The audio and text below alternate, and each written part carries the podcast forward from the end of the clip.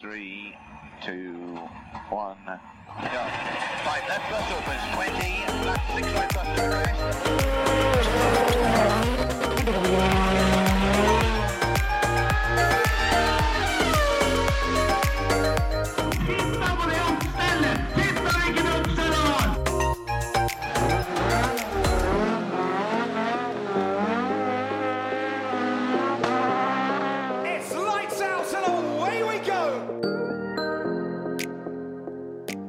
Velkommen til en ny episode av eh, Førermøtet.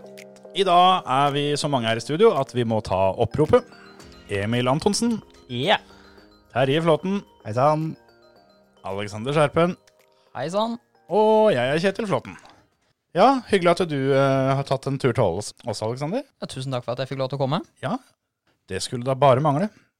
For de eh, som hører på, som kanskje ikke er helt sikre på hvem du er, kan ikke du, kan ikke du hjelpe dem litt med det?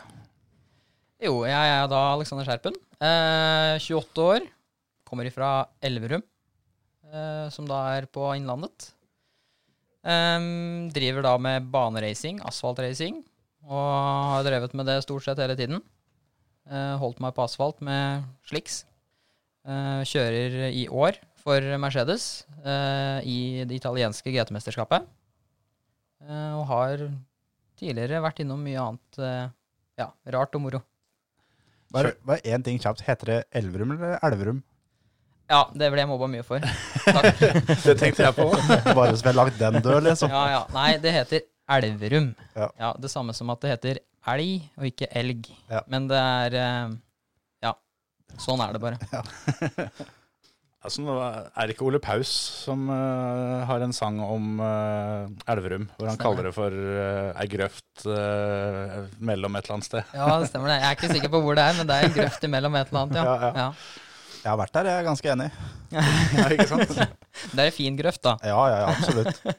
Ja, når, hvis, du, hvis du skal på en måte bruke grøfteskalaen, så kommer du ganske høyt opp. Det, det, det er ingen tvil om. Ja, en av de bedre grøftene. Ja, ja, ja. Det er fint. Har du vært mye på Starmoen, eller? Ja, jeg har jo det. Jeg begynte jo, og, begynte jo karrieren med å kjøre motocross på Mhm. tohjulinger. Eh, og da kjørte jeg på Starmoen. Ja. Så eh, vokste jeg opp på Starmoen motorpark oppå der og kjørte motocross. Og når jeg da bytta til gokart, så gikk jeg jo egentlig bare over grusveien over på gokartbana. Ikke sant? Så det, jeg har jo hatt noen timer på Starmoen. Det vil jeg tro. Har du, eh, du sa det at du stort sett har, eh, har holdt deg til asfalt av sliks, men uh, du, har ikke, du har ikke kjørt noe særlig bil med, med sladd, for å si det sånn? da? Veldig lite bil med sladd. Ja. Jeg har det. Så um, ja, det er jo egentlig nesten ingenting. Jeg har kjørt eh, Jeg har prøvd eh, rallybil noen få ganger, Mm. men ikke i noe konkurranse, bare trening. Og det Ja, jeg tror det er like greit at jeg holder meg til å kjøre rett fram på asfalt. Vi, apropos motocrossen, så har vi da snakka med Trygve Skjerpen, faren din. Eh, han sier at eh, han starta motocross, men slutta med det og gikk til racing slash gokart fordi han var så lav at han tryna hver gang han stoppa sykkelen fordi han var altfor kort. Stemmer det? Stemmer det? Var det, var det grunnen? Ja, det var det. Det var, det var jo fryktelig gøy å kjøre motocross. Helt fram til du stoppa? Ja, altså, du lekte jo i sanda. Det var liksom Det er jo det du gjør når du er gutt, så det, jeg bare fortsatte jo med det. Ja, ja. Men eh, jeg gikk opp en klasse, og den sykkelen den senka vi da maks av det det gikk an på støtdemperne. Men jeg er litt lav i bena, eh, så hver gang jeg starta, så starta jeg på eh, bruskasse. Og det gikk jo fint. Men det var litt verre å treffe den bruskassa når du skulle stoppe igjen. Så da tryna jeg. Og da var det sånn her at eh, etter x antall ganger du tryner på motorsykkelen, og du liksom da ikke helt får dette til, så blir du litt frustrert. Og da måtte jeg ha støttehjul, så da måtte jeg bare begynne med støttehjul. Jeg hadde gitt faen sjøl, tror jeg. jeg skal være ærlig og si det. Det høres ikke ut som du har veldig lyst til. I hvert fall ikke Jeg vet ikke hvor gammel du var den gangen, men eh, det var vel ikke noe det var vel ikke så veldig stas det å bli han fyren som alltid tippa over ende. Det er jo noe med det. Altså, det er, når du er sånn i åtte-niårsalderen, og du liksom skal ut og leke i sanda, så tryner Det er du som tryner hver gang når du skal toppe, på en måte. Det er sånn, du blir han ene med hjelm som ble ute på gata. Han ene, han ene gærningen, liksom. Hadde det vært meg, så hadde fatter'n vært nødt til å fly etter med den, der, bruskassa, for å si det sånn. For det, Vi prøvde å sette den ut da, i sanda, sånn at det gikk an å prøve å liksom treffe den. mm. Men det er jo ikke så lett når du kommer inn med adrenalin og liksom Ja. Så jeg bomma mer på den enn jeg traff den, så da var det litt sånn her at ja, vi går over på støttehjul. Da ble det gokart. Da ble det gokart. Så da, for min del, altså så var det jo bare å krysse grusveien, for gokartbanen ligger jo på andre sida på Starmoen enn uh, Mhm. motocrossbanen, så det var jo enkelt og greit, da. Hvor lenge holdt du på med det? Med, med gokarten? Eh, ja, jeg holdt vel Jeg holdt på så lenge til at jeg kunne begynne å kjøre bil på bane. Ja. Så da jeg, vi gikk vel over til bil sånn i 14 14-årsalderen, 15-årsalderen, Mm. cirka. Så, for det er vel da du har lov til å begynne å kjøre, så da er det Når jeg var 15, så hadde jeg allerede racerbilen på plass, da kan du si. Følte du at du på en måte kom litt mer hjem når du begynte med gokart, kontra motocrossen? Ja. At det var, var mer for deg, liksom? Ja, det var egentlig det. Jeg begynte jo med Mini, som er ganske liten, rolig gokart, for å si det sånn. Eh, så det gikk jo smått, egentlig. Det gikk fort nok, jeg misforstår meg rett, men det var jo, det var jo ikke all verden til hester og sånt, så det gikk ganske smått. Og det, du hadde liksom den der muligheten til å lære å kjøre rett, altså korrekt, Mm. istedenfor at du hadde all den der poweren til bare å gi gass, sånn som i cross, at du bare mata på. Mm. I gokarten så måtte du liksom da lære sporvalgene og ja, jeg kjørte jo Jeg var jo liksom langt ifra toppen når jeg begynte med gokart, for å si det sånn. Mm. Ehm, så ehm, jeg hadde ikke noen toppresultater i gokart, men uh, jeg lærte utrolig mye i gokart. Det var jo tilbake på den tida hvor det måtte dyttes i gang òg. Ja ja, stemmer det. Mm. Så Det da, var- istedenfor at faren din måtte hjelpe deg opp med sykkelen, så måtte han kanskje dytte i gang. Ja ja, det hadde sånn liten tralle som vi dytta i gang med. Ja ja. ja, det var tier. Og hva var, hva var det som var neste steg da, fra gokarten? Da gikk vi over på Formel Basic, så formelbil. Så um, vi hadde vært eh, en tur på Silverstone, faktisk, i England, uh, og sett på um, formelbiler der. Og det er jo de samme formelbilene som gikk der, er jo de som Bård da kjøpte og kalte Formel Basic når han tok dem til Norge. Så da um, endte vi opp med at vi først prøvde å leie en, og prøvde det litt, og det falt jo da i smak. Så da endte vi opp med at vi kjøpte en til slutt, da, etter at vi hadde spart og ordna opp litt. Mm. så da skrudde vi bil i garasjen og ante ikke hva vi drev med. Eh, for eh, Trygve er ingen bilmekaniker, og jeg var ingen bilmekaniker. så det um, Men eh, ja, det gikk da Det gikk seg til på en eller annen måte. Hvor lenge var det du holdt deg i Form Basic? Før du gikk videre? For det er litt sånn innstegsklasse til asfaltracing. Ja, absolutt. Det er det. Um, jeg kjørte vel basic i fire eller fem sesonger. Så jeg var vel nærmere Jeg var vel 17, tror jeg, når jeg begynte å lukte på bytte klasse, da, for å si det sånn. Mm. Så, men det som er fint med basic, er litt det samme som å kjøre mini gokart. Altså, du har så lite hester, og det går relativt smått, da. Eh, for en junior så må du da lære å kjøre sporvalg. Eh, jeg tror det er gull verdt at du lærer å kjøre sporvalg med en gang. At du liksom Gjør du en feil, så blir du straffa for det. Ja. Eh, og da må du lære av det, på en måte. Mm. Så um, sånn som en junior innstegsklasse, så var det gull verdt for meg, i hvert fall. Men hvorfor gikk du videre fra basic? Var det fordi at du var lei, eller at du hadde oppnådd det du kunne oppnå, eller var det bare at det var noe annet som frista? Jeg ville noe mer, da, egentlig. Det var det det eh, gikk på. Så jeg testa en del eh, Jeg dro til England og testa Formel Renault og Formel Palmer Audi, som det het i gamle dager. Um, kjørte en del tester med det for å liksom kjenne litt på hva det er jeg vil, da, for å si det sånn. Mm. Um, og da hadde jeg egentlig lyst til å kjøre formelbil videre. Men det er jo da et kostnadsspørsmål det kommer tilbake til. Mm -hmm. uh, så uh, formelbil i utlandet, det er jo svindyrt. Så da um, ble det ikke det etter hvert. Uh, vi gikk heller over på GT-racing, for det vi Det fant vi en måte at vi klarte å få til da, her i Norge. Så um, etter en ja, mye om og men, så endte vi opp med at vi kjøpte en eh, Eller først så leide vi, da, og så kjøpte vi en Ginetta GT, GT-bil som vi kjørte her i Norge. Og var, eh, var planen å, å holde seg til Norge først, eller var det bare sånn det blei? Ja, jeg tenkte vel egentlig ikke på at jeg kunne kjøre utlandet engang, jeg. Nei. Jeg hadde Altså, ja. Alle vil jo til Formel 1, ikke sant? Mm. Eh, men eh, det var litt sånn her at eh, du tror ikke at du har muligheten til å dra til andre land og kjøre bil. Så det var ikke liksom Til å begynne med så var ikke det i tankene. Så, um, men når vi kjøpte Ginettaen og vi begynte å kjøre i Norge med den, i norsk GT, så gikk det jo egentlig ganske bra. Vi, det gikk fort, så vi fant ut at da prøver vi å kjøre litt i Sverige, og så var det en sånn snøballeffekt, så det bare balla på seg, på en måte.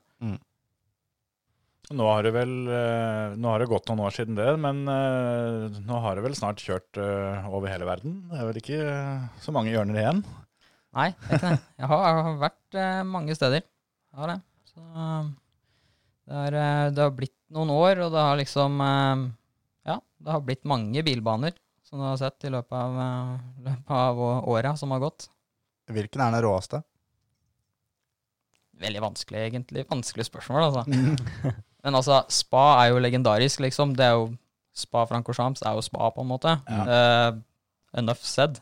Men uh, å kjøre på Circuit of the America, for eksempel, uh, med de humpene og dumpene og den liksom gedigne banefasiliteten som er der, midt i svarteste mørket, det òg er jo ganske kult. Eh, det jo er liksom noe du sitter igjen med minner for livet, på en måte. Ja.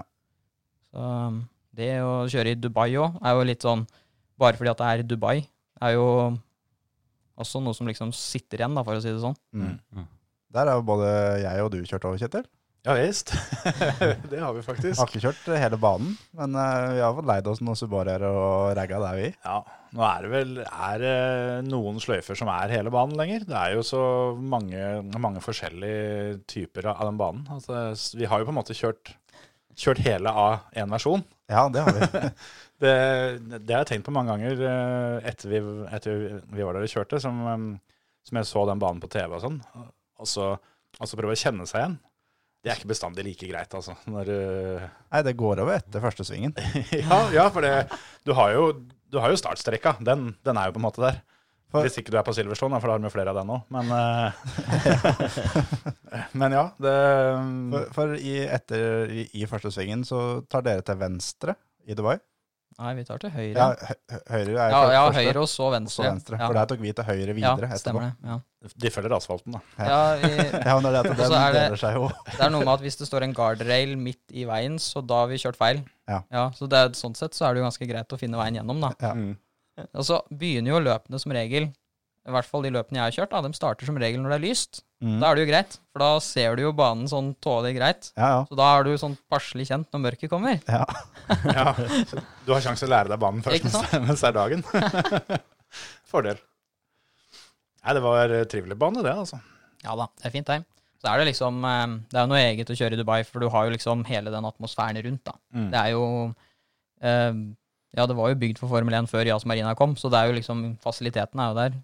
Så det er jo liksom en utrolig pen bane. Mm. Det er deilig med litt uh, luksusfasiliteter på motorsportarenaer. Det, Ja, er det ikke- det. det er ikke alltid det er så jævla luksus. Det er ikke alltid vi er like bortskjemte. Nei. Nei, det er forskjell på, på den banen i Dubai og Starmoen. Ja, det, hvis vi, ja, det må For være lov å si det. For å ta et allerede brukt eksempel, så, så, er- så er det jo det. Har jo vært litt av en tur, da. Hvis vi liksom tar det da fra Starmoen via Silverstone til Spa der, så, og da i tillegg Dubai og USA. Og, har du kjørt noe i Asia og Japan og sånn, eller? Suzuka og de her kjente banene der nede? Nei, jeg har faktisk ikke det. Ehm, jeg skulle egentlig kjøre der for eh, et par år siden eh, med Lamborghini, men, eh, men det, ble, det ble ikke noe av, da, for å si det sånn. Vi, vi valgte å fokusere på Europa isteden. Uh, det var litt pga. økonomien, og litt pga. kan du si ja, hva teamet ønska, da. Ja. Ehm, så jeg var veldig nære ved å signere og kjøre en hel sesong i Asia, men det Ja, det ble Det lot vente på seg. Ja, ja. Hva var grunnen til at du gikk vekk fra den formelbilgreia? Var det bare økonomi, eller var det det at du så det at det her er det større muligheter for å kanskje i enden kunne tjene penger? Var det et viktig punkt òg? Eh, ja, kan du si. eh, ikke nødvendigvis pengene, men eh, kan du å, å gå videre i karrieren, da, for å si det sånn. Mm. Når du begynte å, liksom, å utvide horisonten litt forbi formelbiler, så ser du at eh, når du ser på GT Racing, så har du alle de bilmerkene som er der, og alle mulighetene som er der, og alle klassene, ikke minst. Eh, du har jo noen enorme muligheter. Mm. Så det var en stor faktor når du begynte liksom å se videre på hva, hva, vi, hva vi skulle gjøre i fremtiden, da, for å si det sånn. Mm. Det og økonomien, da, selvfølgelig. Ja. Mm. Men når du reiser rundt på løp nå, det, har du bare med deg hjelmen og kjøredressen og møter opp til ferdig dekka bord, eller har du med deg egen mekaniker her, eller? Nei, nå er det teamet som stiller, eller enten så er det teamet, eller så er det fabrikken da, som stiller med ingeniører og mekanikere og alt. Så um, nå får jeg ikke lov til å røre noen ting. Nei. Så det er litt spesiell følelse da, når du er vant til å liksom Du går fra å mekke og skru i garasjen hjemme, og så når du da skal ut, så får du plutselig liksom en sånn derre Du får en helt annen rolle i teamet.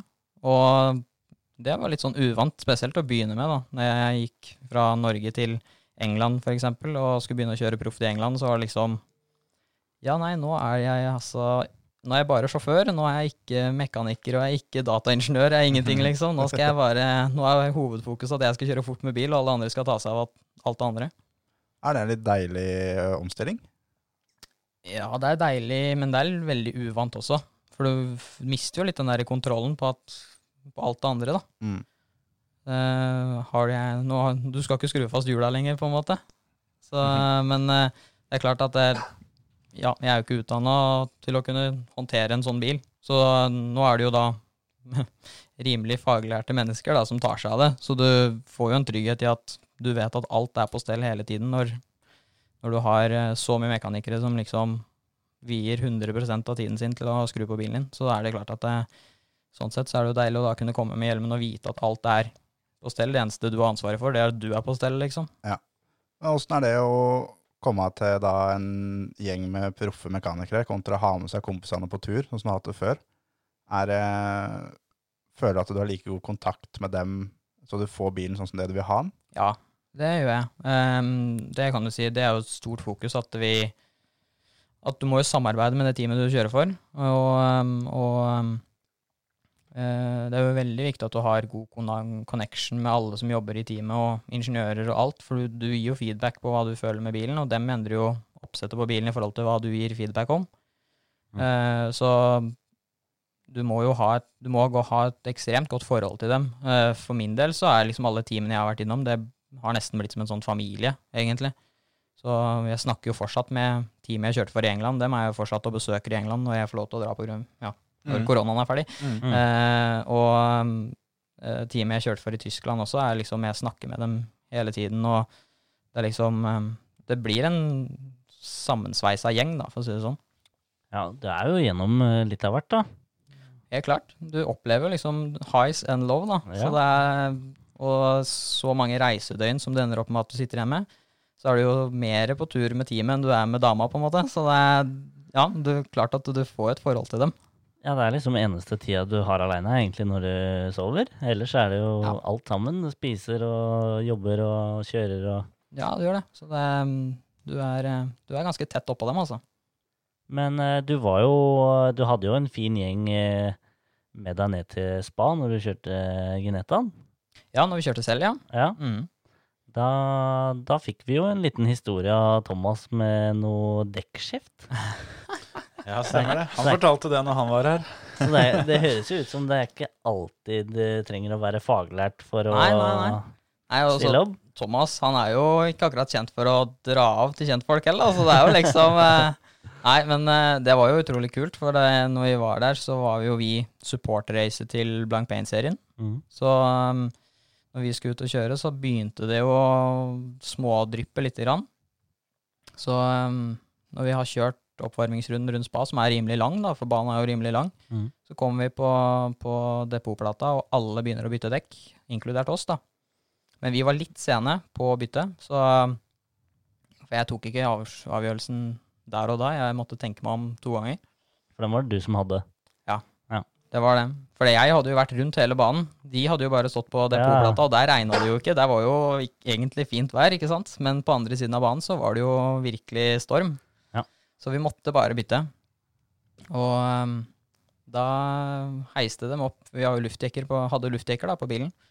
Vi heisa opp uh, luftdekkene, og Marius, da, som han het, og Thomas, som var med, dem eh, spant rundt med dekk og fikk lagt om dekk før profesjonelle teamene foran oss, da, dem eh, hadde senka bilen. Da sto vi klare på griden. Og det er jo klart at det er jo minner du har for livet. Eh, det er utrolig kult. Var du litt stolt av gutta da, eller? Ja, jeg var jo det. Men altså, jeg var stolt av gutta før det òg, da. Jo, jo. Men eh, ja, ekstra stolt. Ja, vi døpte jo om Thomas til Norges svar på Guido, var det ikke det? Ja, fra Cars, ja. Ja, men han minner jo litt om det. Ja, han har, han har samme kroppsfasonger. Han ser ut som en gaffeltrøkk, er det det du sier? Ja, han gjør det. Nei da. Nei, men eh, det var jo utrolig kult. Og, ehm, og du kan si, når vi var eh, Vi var jo support, som sagt, for Blank Pain-serien, og dem sto jo på pitmuren og så på at vi jobba. Og du ser liksom at Ferrari-gutta sitter på muren og ser på oss og liksom bare hm, dem, eh, var såpass raske, da. Og bare Ja, vi kommer ifra Norge, liksom. Lille Norge. Det er jo litt moro. Her har vi sesonghjul på bilen, vet du. Så vi har treninga. Åssen er eh, sånn som nå, da, med nå som du er i Mercedes og sånn, med tanke på følelsen? Jeg har jo hørt litt at den er litt Det er som å kjøre litt båt noen ganger. Den er litt tung og, og kan Ja. være litt uh, skuteaktig. Åssen er den i forhold til Ginettaen? For der, eh, der har vi jo fått beskjed fra Thomas at du du kunne nærmest fortelle om hver eneste skrue som var løs på hele bilen. Ja, altså Ginettaen, den ble vi jo ganske godt kjent med, da. Vi hadde mange timer i den. Uh, og ja, jeg ble veldig godt kjent med den bilen. Så jeg kunne jo jeg følte med en gang hvis det var noe som var feil, for å si det sånn. Mm. Eh, det var jo en gang når vi kjørte i Sverige, så merka jeg at girkassa begynte å hangle lite grann. Mm. Uh, men vi kjørte ferdig løpet, og når vi kom hjem igjen, så åpner vi girkassa, og da ser vi at ene drevet har et bitte lite hakk i seg. Det var det jeg følte, da, kan du si. Ja. Så um, jeg ble, ble godt kjent med den bilen etter hvert. Eh, Thomas han eh, har jo sagt at, eh, at du nesten kan si ifra at det har dette av en skrue der. Det er høyre bremsekloss foran er mer slitt enn venstresida. Du kan si nesten eksakt lufttrykk i dekka. Alt sammen. Hvor viktig er den følelsen med bilen? Ja, jeg mener jo at det er veldig viktig, og spesielt eh, nesten enda viktigere nå, da, når jeg kjører der på det nivået vi er nå. For nå skal jo du gi feedback til ingeniøren, og ingeniøren skal da ta det videre til mekanikerne. Så alt du sier til ingeniøren, må jo han da, kan du si, analysere. Så jeg tror det er alfa og omega jeg, for å liksom kunne prestere på det nivået vi gjør. At du klarer å fortelle så spesifikt som mulig hva som skjer med bilen til enhver tid, da. Hva er eh, den merkeligste beskjeden du har gitt til ingeniøren din, som, som han har på en måte reagert mest på, men som har stemt i ettertid? Det må jeg egentlig tenke meg om litt, altså. Eh, for jeg gir mye rare beskjeder da, i løpet av året, liksom. Nei, jeg har jo hatt en hvor jeg sa at det føles som om eh, hælen min har smelta fast i gulvet når jeg kjørte BMW. Eh, når jeg kjørte BMW i british GT. Da var det så jævlig varmt, eller veldig varmt, på torpedoveggen. og det spredde seg mot kan du si, gulvet, da, der hvor hælen min satt. Så jeg følte at hælen begynte å liksom sitte fast i gulvet. Ehm, så jeg sa jeg, jeg husker ikke helt hva jeg sa på engelsk, ja, men det var noe sånn at det føltes ut som at gasspedalen hadde smelta inn i foten eller noe sånt. Da fikk jeg bare tilbake at ja, men det er bra, for da bare holder du foten helt inne hele tiden til du kommer til mål, fordi vi leder løpet. Um, Er det det som er å være i ett med bilen? ja, det var det jeg følte etter hvert, jeg òg. Så ehm, det var Det hadde smelta en liten del av hælen på skoen, men det var ikke så heavy som jeg skulle formulere meg til at det var, da. Nei, men det føltes sikkert sånn. Det føltes Altså, ganske varmt. Når skoa dine begynner å smelte, så føles det nok sikkert uh, som det er ganske grei kok ned der. Altså. Det- er ikke da det er rått å ta sju inn når du skal på banen etterpå. Nei. Vi fikk litt ekstra teip under der da, etter hvert, når vi liksom hadde kommet i mål og sånt. Så på neste løp så gikk det mye bedre. Ja. Men sånn som nå når du kjører, så deler du bil med en annen sjåfør. Ja. Eh, vi snakka litt med Markus Power om det når han var der. og Åssen syns du det er å ikke ha bilen aleine, men at du, du må samarbeide med en? Jeg har gjort det helt siden jeg begynte å kjøre utenlands, da, eh, kan du si. Så for min del så er jo det en del av gamet. Mm. Så jeg reagerer jo egentlig ikke så mye på det. det. Det som gjelder, er jo å finne ut hva teamkompisen liker, og prøve å finne en sånn mid middelvei av Hvis du ikke er helt enig med han i oppsett og, og alt dette der, så må du jo finne en middelvei, sånn at dere blir enige. Uh, men for min del så har det aldri vært et problem. Jeg har alltid hatt teamkompiser som liksom jeg har kommet godt overens med, da. Mm. Uh, og vi har vært veldig enige, kan du si, hva vi, hva vi vil ha av bil. Jeg veit at Markus nevnte på det at eh, han kunne jo egentlig sitte på hvem som helst slags måte og falle til ro med det. Det så ut som det var litt uh, forskjell på dere to, da. Det er jo teamkompisen sin som du har nå. Ja, defin definitivt. Sånn Men, at, eh, ja. Hvordan er det? Nei, altså, det løser seg egentlig greit. Vi har sånn seteinsert som vi putter inn i bilen. Mm. Så um, vi justerer jo ikke setet, vi bare justerer at jeg sitter på en liten sånn barnepute, nesten lignende greie. Men nei, jeg har jo egentlig alltid kjørt med folk som har vært litt høyere eller litt større enn meg. Mm. For det, jeg har jo delt bil ofte med gentlemen's drivers, kan du si, da. Ja. Uh, og dem er ofte litt større og litt, litt tyngre. Ja. Så jeg er vant med å ha med meg et lite barnesete uansett hvor jeg drar. Så det er nesten så jeg har det med i carry-on på flyet, liksom. Det er liksom hjelmen i ene hånda og barnesetet i andre. ja, ja. Så det Nei, det er liksom eh, Sånn er det. Men eh, jeg kan si den Mersen som jeg kjører nå, jeg syns egentlig Du nevnte jo at den var litt sånn båtaktig, men jeg, Mhm. Jeg syns vel egentlig ikke det. Um, jeg syns Smashen er nesten morsommere å kjøre enn det Lamboen er, Ja. var i sin tid. Mm. Men det er klart det er to helt vidt forskjellige klasser, Mm. og mm, helt andre biler, da, for å si det sånn. Mm. Men uh, Ja, for der var Markus uh, motsatt. Han uh, var veldig happy med, med hvordan Lamboen var, mens eh, Mercedesen syntes den var trøtt og kjedelig i forhold, da. ja, ja, ja. Det var vel litt, eh, litt forskjellen på åssen du måtte angripe svingen. At i, i Lamborghinien så mente vel han det at du måtte omtrent satse livet inn hver gang, da. Mens eh, Ja, det er var klart en at det er jo- litt annen måte å kjøre på. Ja, som jeg sa, Det er jo to vidt forskjellige biler og vidt forskjellige klasser. Eh, og jeg er jo vant med å kjøre GT4. Jeg har kjørt, Audi, jeg har kjørt Audi, BMW, Mercedes, Ginetta. Så jeg er liksom vant til å kjøre GT4-biler. Mm. Uh, og det er klart at det er jo litt mer bedagelige biler, hvis du kan kalle det det, mot for Lamborghini. Men eh, Det er mer likt en vanlig, en vanlig veibil, på en måte, ja, enn en det Lamborghinien i er. prinsippet så er det jo det. Mm. Det er jo det. Så um, GT4-bilene baserer seg jo på uh, gatebilene, da, kan du si. Jeg tenkte på det er vel en ting som er litt, uh, litt fort gjort at, uh, at folk flest ikke tenker på. Hvor utrolig viktig det er at begge, begge førerne på bilen har en tilnærma lik kjørestil. For det Én ting er jo hvis du har to førere i samme team, sånn som Formel 1, da, så er det jo, er det jo kjekt at de eh, tenker på samme måten der òg, med tanke på utvikling av bil og alt sammen. Men, men, eh, men for dere som er to på samme bil, så er det jo mye viktigere. Ja, helt klart. Det er jo veldig viktig at vi er enige om hvordan bilen er. Men som jeg nevnte òg, så deler jeg ofte bil med gentlemen's drivers, eller liksom folk som har litt mindre erfaring med kjøring. Så da er det jo mye enklere, kan du si, å bli enige òg. For det er litt sånn Hvis jeg sier at bilen er løs og litt for ledig, på en måte, så De, de tar det for god fisk, på en Ja, måte. Ja, han sjåføren som deler bil med meg, han er jo liksom da Han blir jo veldig enig, da, for å si det sånn. Mm. Ja, for det, er- han er vel kanskje klar over at det er du som kan dette her. Ja, og så kan du si han, han vil jo Han gjør hva som helst for å vinne. Så han er der kun for å vinne, han. Så det er eh, Hvis jeg sier at det er sånn, så, så ja, da blir det sånn. Mm. Hender det det at du bare må skjære igjennom? At det er sånn her blir det? Ferdig snakka? Eh, Ja, ikke ofte, men jeg har gjort det. Mm. Men jeg, det er ikke ofte Nei. jeg har måttet gjøre det. Som regel så har vi blitt ganske enige på, på kontoret før vi går ut, liksom. Åssen er det å, å måtte skjære igjennom? Du er så konkurransesugen, ikke sant. Du skal komme først, så du, du bare Du tenker jo ikke over det. Du bare Altså, alle er jo her for å vinne. Ja. Og på noe helt annet, hva er den verste smellen du har vært med på? Antakeligvis basic, tror jeg. Tror jeg. Det hørtes ikke ut som det er der du helst vil ha den stygge Nei, jeg hadde en, jeg hadde en litt stygg en på Vålerbanen. Det var vel et av de første årene mine i basic, tror jeg. Thomas Benningsen kjørte jo fortsatt da. Mm. Um, men jeg fikk en bil bakfra som ikke bremsa der jeg bremsa.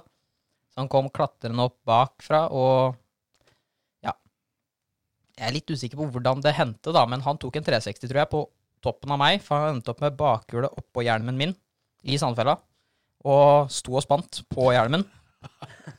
Så jeg satt i cockpiten med et hjul som liksom gikk, og liksom bare Ja, det her eh, Det gynger og går. det gynger og går. Så det, det var en litt heftig smell. Eh, det gikk jo helt fint. Hjelmen hadde litt for mye dekkmerker, så den måtte vi kaste etter hvert. Men eh, ellers gikk det jo fint med meg. Men det, det er nok den heftigste jeg kan huske.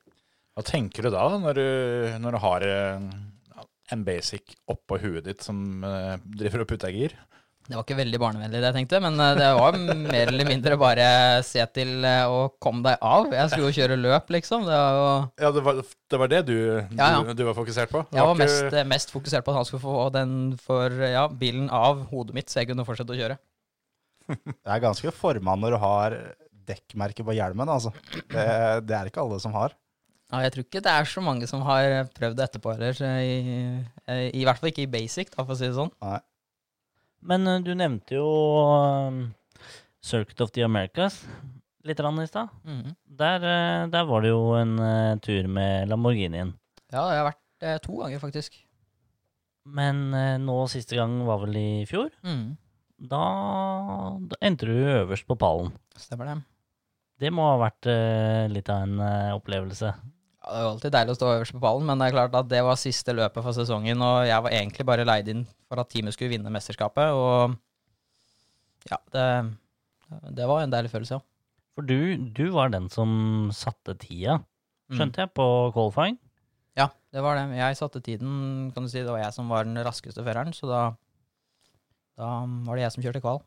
Men gutta du kjørte med der, det var Var dem faste, eller er det sånn gentleman's driver? Eh, det var både. Og Så eh, det var noen betalførere, og så var det noen da som var kan du si, mer eller mindre ja, litt halvproffe, da, for å si det sånn. Ja. Eh, så jeg delte jo bil med Vi endte jo opp med å være fire stykker på bilen, tror jeg. Mm. Ehm, noen var jo da veldig godt kjent med bilen, og noen hadde jo da nesten aldri sittet i bilen. Så ehm, det var egentlig en ganske sen call-up for min del. Jeg hadde jo egentlig ikke tenkt å kjøre løpet, men uh, Leipert, altså eh, Leipert Motorsport, som er teamet jeg kjørte for, de uh, trengte plutselig en sjåfør.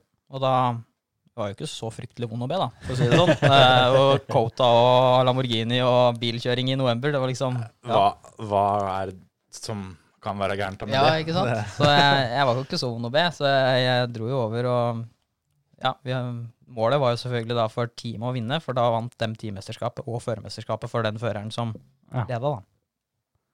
Og det, det gjorde det. Og det gjorde vi. Så det er klart at det smaker jo, det smaker jo godt, da. Rant det inn noe bonus hos deg da, eller var det bare klapp på skuldra? Ja, heder og ære, det er jo det Ja. det går på. Men jeg tenkte på det, det er sikkert mange som lurer på det, meg selv inkludert, med tanke på de som er eh, gentleman drivers. Hvor, vet du hvor mye de må betale for å få lov å være med og kjøre med dere? Ja, det varierer veldig. Egentlig fra team til team og fra avtale til avtale, så det er liksom aldri det samme. Uh, så sånn som når de kjører i Kota, så tror jeg noen av gutta betalte sikkert dobbelt så mye som det noen av de andre gutta betalte, og det var liksom Mm. Ja. Jeg tror det varierer veldig hva de betaler. Det er vel uh, sikkert uh, en eller annen selger i hvert team da, som eh, bare prøver å skvise ut mest mulig, og så Ja, så er det jo litt sånn hvis du er en bedriftseier som du vet tjener titalls millioner, så jeg regner jeg med at du får en faktor som er litt høyere enn han som spinker og sparer for å få lov til å være med, på en måte. Ja. Bare spinke og spare nå, Kjetil.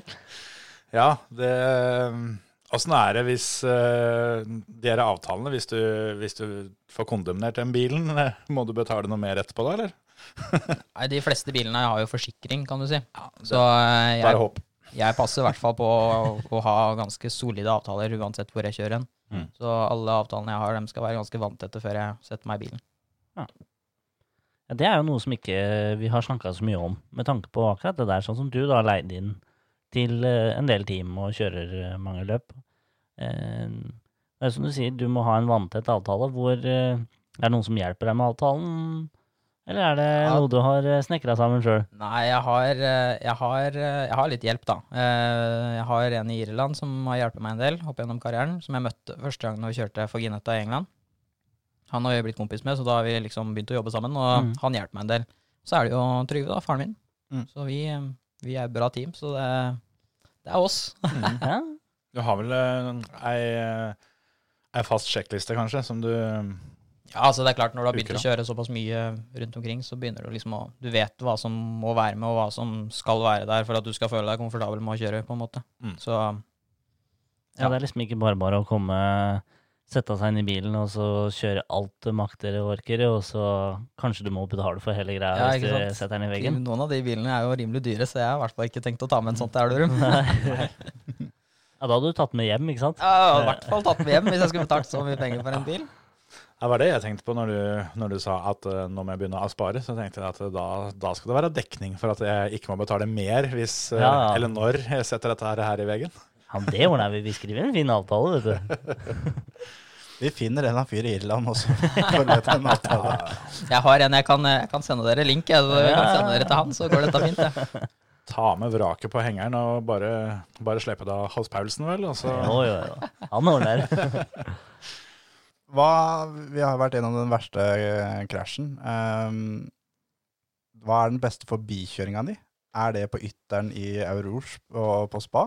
Har du snakka med Thomas igjen nå, eller? Ja, ja, ja. ja, ja. Dette her hørtes heftig ut. For, det, for når han sa det, for han nevnte ikke så veldig mye mer, han mente at det, det var på opptørk, sliks, og, Ja, på, og på ytteren opp der sånn. Og det første jeg tenkte da, du må jo ha baller på størrelse med golfballer. Når du da er bare, Eller kjenner bilen veldig godt, da. Eller basketballer. Ja, det òg. Bare tanken å gå på ytteren her er jo helt sjuk. Ja, Men det gikk helt fint. Ja. Jeg er jo det, ja, du er jo her nå. Ja, ja, ja. Det var ikke noe problem, det. Men hva er det som går gjennom hudet ditt da på vei ned bakken der? Det gikk for sakte. altså Bila foran kjørte jo for sakte. De kjørte på regndekk, da. Mm. Det jeg tenkte var hvordan i alle dager kan dere kjøre så sakte på regndekk når jeg kommer på sliks bak her, liksom? Mhm. For det var fortsatt ganske bløtt. Så det var jo det var opptørkende, men det var veldig bløtt i idealsporet. Og det var jo ekstra bløtt da utafor idealsporet. eh, men jeg hadde bare tenkt at jeg skulle gamble på sliks, for jeg hadde jo ingenting å tape. Så jeg gikk all in, ja.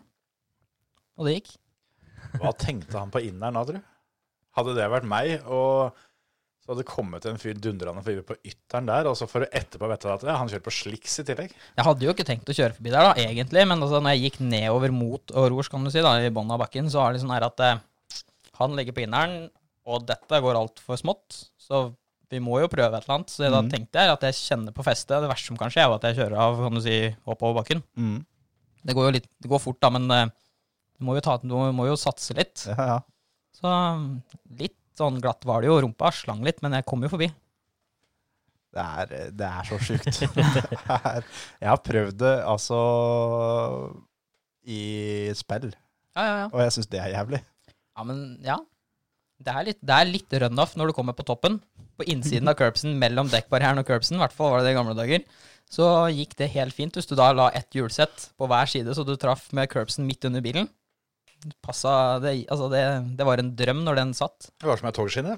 Ja, det var det. Det var det, det var helt klart. Det er så deilig at du selger det her sånn som like vanlig som kjører på butikken. Liksom. Nei, men det, var jo, det er jo run-off der, så det går helt fint. Det. Ja, ja. Bare klemme den på ytteren, det. Hadde du innbordskamera eller noe sånt den gangen, eller? Var det... Ja, jeg hadde det. Så det Ja, hadde det. Så Trygve tror jeg faktisk har den på paden ennå, så når, noen ganger når han er ute med meg og flyr, så drar han opp den for å sitte og se på den på paden, for han orker ikke å sitte og se på Viaplay og Netflix og alt det der. Så da ser han på liksom inboard fra spa når vi var der og kjørte, og inboard fra rundt omkring. Jeg tror jeg, hadde, jeg, tror jeg har inboard av at jeg kjørte forbi der. Tøft. Ja, det må jo bare få, få lagt ut på Instagram og Facebook. Og, Jeg tror, Se det er så, og lær. jeg tror ikke det er så mange på ditt nivå som, eh, som har tilsvarende filmliggende, da. For å si det sånn. Nei, for det er jo for, yt, Forbikjøring på ytteren her, det, det skjer jo ikke hver helg. Det er jo ikke hver dag. Én ting er hvis det er tørt. Ja, eh, nå er det jo Nå kjørte vi jo Spa 24-timeren nå i, som for ikke så veldig siden, lenge siden med GT3, da. Og um, det var jo noen som prøvde der. Det gikk ikke like fint. Men eh, det var jo noen smeller oppover Rouge som var rimelig heftig nå, nå sist. Så det, det er mange som har prøvd. Mm. Det kunne jo vært meg òg, det som smalt i veggen, liksom. Men eh, du må jo satse litt for å prøve. Så Mm. Men går det da tilbake til den følelsen du har med bilen? At det, du kjenner bilen, du vet akkurat hva som skjer? eh, ja, klart det. Altså, alt, du, liksom? klart det. Du, du må jo ha en god feeling med bilen, skal du gjøre noe sånt, da. Men det, det må du jo ha, skal du prestere på det nivået vi er også. Mm. Så det samme gjelder når jeg kjører i Lamboen eller når jeg kjører i Mercedes også. Så må du ha den gode feelingen i bilen, skal du prestere og komme i mål eh, først. Så for alle andre er jo, er jo raske, dem òg, for å si det sånn. Hvor lang tid tar det før den godfølelsen kommer når det kommer en ny bil? Det varierer litt fra bil til bil. Når jeg kjørte britisk GT med BMW, så tok det veldig lang tid. Da hadde jeg flere testdager hvor jeg virkelig ikke hadde feelingen, og jeg lurte på om dette var skikkelig bommert for min del. Mm. Så det tok lang tid. Med Mercedesen så tok det en og en halv runde på Servicina i Italia. Mm. Det, så det er liksom eh, Det varierer veldig. det må være deilig når du kommer inn etter det første passet og bare kan fortelle at eh, vi er kompiser. Det er veldig deilig. Og spesielt når da teameier og teamsjef og administrerende direktør og alt i teamet liksom står da på pitveggen og ser på, og så bare nikker dem litt sånn stille og rolig når jeg kommer inn, og så parkerer jeg bilen, og så nikker jeg tilbake igjen, og da bare alle gliser og bare tommel opp. Så da vi er klare for å kjøre løp, liksom. Så det, det er deilig.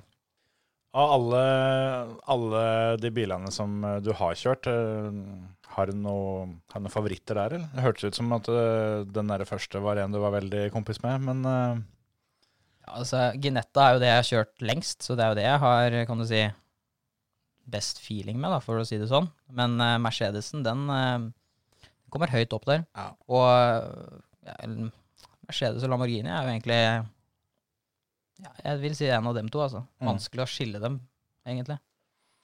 Av biler du ikke har kjørt ennå, hva er det som eh, er den store drømmen der? Hvis du skal tenke litt realistisk, i hvert fall. Hadde jo vært morsomt å kjøre LMP1, da. Mm. Men det får jeg vel aldri prøve, for nå blir det jo slutt på det. Så da Du har Ja. kjørt LMP2?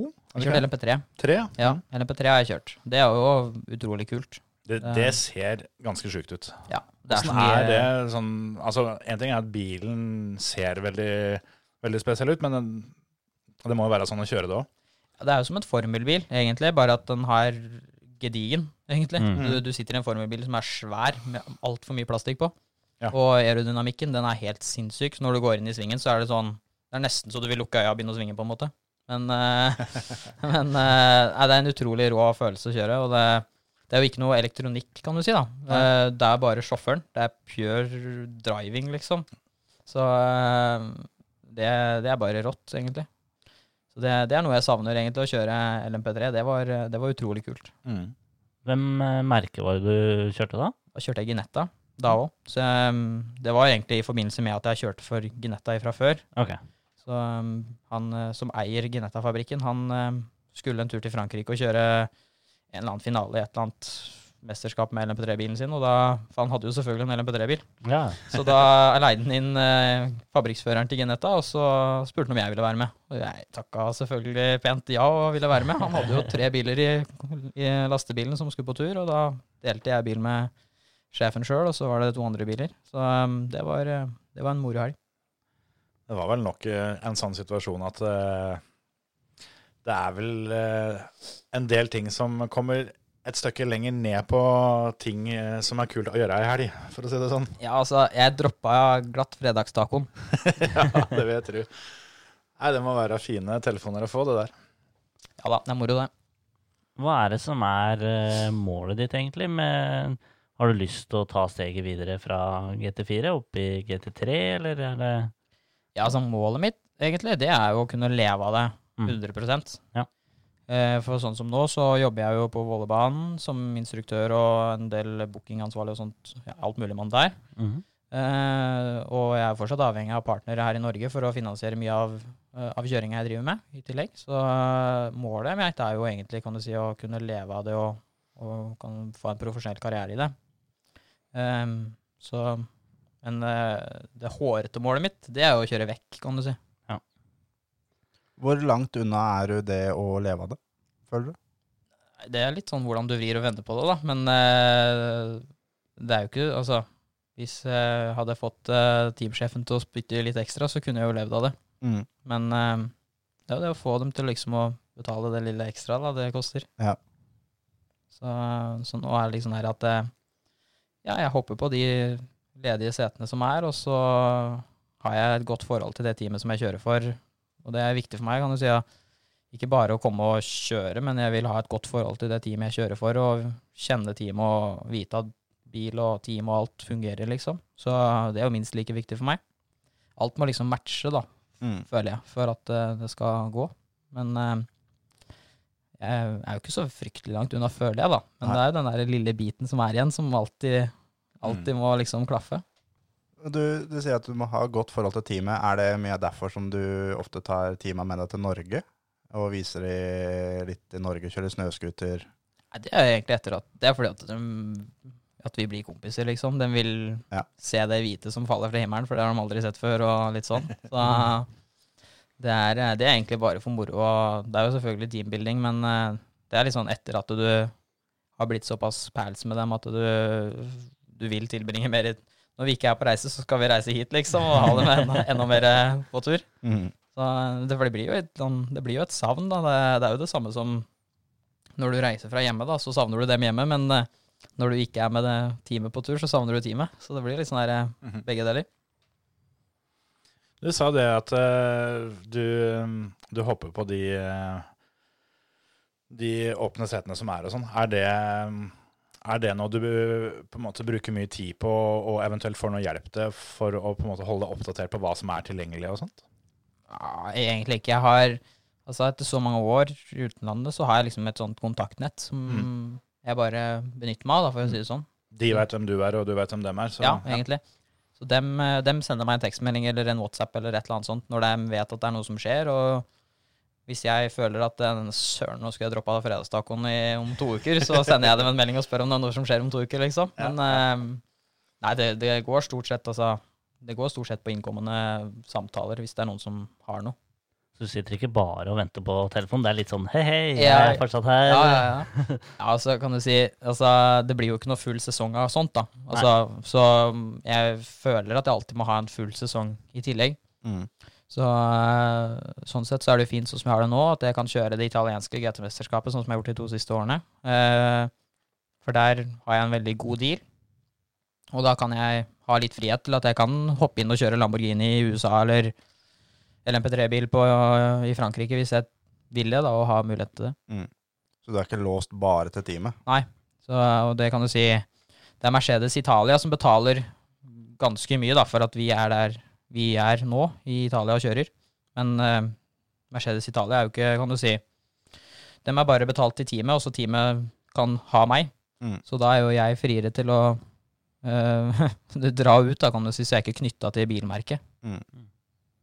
Men nå i år så blei det jo en, eh, en annerledes sesong pga. koronaen. Men eh, du fikk kjørt ett løp. Det ble. Det blei pallplass på det ene løpet du har kjørt. Det ble førsteplass. Det ble førsteplass, ja. ja. Så Da var det, det på Mugello. Ja, stemmer. Så um, ja, det var jo definitivt ikke sesongen vi hadde tenkt å ha, da, men det er det jo ingen som hadde det i år pga. koronaen. Så um, Du hadde vel kanskje tenkt å ha 100 seier her, da? hadde egentlig tenkt det, og jeg hadde også tenkt å vinne jeg hadde, altså, Teamet mitt har vunnet teammesterskapet, sjåføren jeg deler bil med, har vunnet førermesterskapet. Hadde jo tenkt å være en del av den der feiringa. da. Jeg hadde ikke tenkt å sitte på WhatsApp med videokonferanse liksom hver helg og bare Nei, Det Ja. kan jeg skjønne. Det hadde jo vært morsomt å vært en del av det, litt mer enn bare på distansen. Men uh, det er klart at uh, det er jo en spesiell situasjon vi er oppe i nå, da, så det er, ikke noe, det er ikke noe vi får gjort noe med sånn sett. Men, uh, men jeg har i hvert fall prestert det vi, da vi hadde muligheten til å prestere, da. Åssen er banen i, i Mugello? Hva, hva syns du om den? Der har de også da kjørt Formel 1 nå nylig. Stemmer det. Eh, nei, altså av de italienske banene så er det nok den som passer meg best. Um, Monza er nok definitivt den som passer meg best, og Mugello kom på en god andreplass, egentlig. Føremessig, da, for å si det sånn. Hva er planen for 2021? Er det å fortsette samme team og samme mesterskap, eller er det litt tidlig enda? Nei, altså jeg er uh, ganske åpen jeg, for hva som kan skje, men uh, det er jo ikke utelukka at jeg kommer til å kjøre i Italia. Men jeg har ikke noe kontrakt på det nå. Nei. Så foreløpig så er jeg ganske åpen og litt sånn ja. Tar det du får? tar det, tar det som det kommer. Og du vet jo aldri hva som skjer med det der koronaviruset heller, så det er liksom Foreløpig så får jeg bare vente og se litt, føler jeg, da. Mm. Det er jo en del som har allerede vært i kontakt, kan du si, for å spørre hva jeg skal drive med neste år og sånt, og da Jeg skri, sier egentlig bare som det er, at eh, jeg avventer litt og ser hva som skjer, egentlig, rundt om. Blir det en del eh, runder på Vålerbanen sånn eh, for å holde deg varm nå, eller? Ja, det gjør dessverre ikke det, da. Det gjør ikke det, nei? Nei, det gjør ikke det. Det er mange som tror det, at jeg har million runder i racerbil rundt Vålerbanen. Jeg var en av de, for jeg har notert opp her et spørsmål om hvor mange timer fartskjøring du faktisk har på et år. Jeg trodde det var mange. Det kommer litt an på hvordan du ser det, da. Men hvis du har eventbilene våre da, som fartskjøring, så har jeg jo en del timer. For dem har jeg sittet ganske mange timer i. Okay, ja. Men uh, noe annen racerbil, det har jeg kjørt lite, egentlig. Det blir det ingenting av nesten i, i, i Norge. Nei. Så det blir bare Toyota GT86. Uh, Men altså, det er ikke det er jo ikke feil det, da, å ha det som kontor. Nei, det var det Misforstå meg rett. Det Ja, er, eh, det er en deilig arbeidsplass, men eh, det er eh, Det er bedre enn å kjøre Vito, liksom. Helt klart, men altså, du kan liksom ikke, du kan ikke se på det som trening, da, for å si det sånn, sånn eh, hastighetsmessig. Men eh, du holder jo rattrusta borte, da. Nå fikk du også litt rattrus vekk her hos oss, for du har jo Ja. vært med på den uh, dirt challengen vår. Stemmer det. Åssen syns du det gikk? Jeg er glad at jeg holder meg på asfalten, da kan vi vel egentlig si. For nå var det 100% grus. Nå var det 100% grus. Det var jo interessant, da. Og litt grass. Ja, jeg, jeg var jo kanskje litt ute på gresset da, innimellom. Men, eh, og så var det litt steiner der òg. Og litt vann. Og litt vann. Ja. Nei, men eh, altså, jeg syns rally er kult. Eh, Jeg kunne gjerne tenkt meg prøvd å kjørt mer rally, men uh, ut ifra hvordan det gikk her, så kanskje det er greit at jeg avventer litt grann til. Men det var ikke så halvgærent. Vi har jo hatt eh, en god del som har vært og kjørt, og du går inn på en sjuendeplass, da. Er det såpass? Ja, ja, ja. Men- du Og Thomas, hvor var det, hvilken, hvilken er Thomas på? Han er nummer seks. Er han nummer seks, og jeg er nummer sju? Det er korrekt. Er det mulig? Vi har jo fortsatt da Simen S. Hagen, som er eh, overlegent raskest på 3.07,699. Og um, du er på 3.17,232. Thomas er på 3.14 blank. Han kommer aldri til å la meg glemme det heller, vet du. Det er Det er det som er problemet. Det er det som er fint med han. Ja, han er fin sånn. Nei, men hvis du, hvis du hadde vært her tidligere, så hadde du jo antageligvis kommet inn på pallen. Så det, dette her er, det er Det er bare fordi at det er så mange andre som har kjørt før det. At det Ja, ja, altså ra- har jo mye gode unnskyldninger, da. Altså, det kan jo det, Ratt og pedalene kanskje var litt feil justert og alt sånt, da. Ja, mm, men eh, jeg føler fortsatt at jeg burde ha vært litt høyere opp, jeg, da.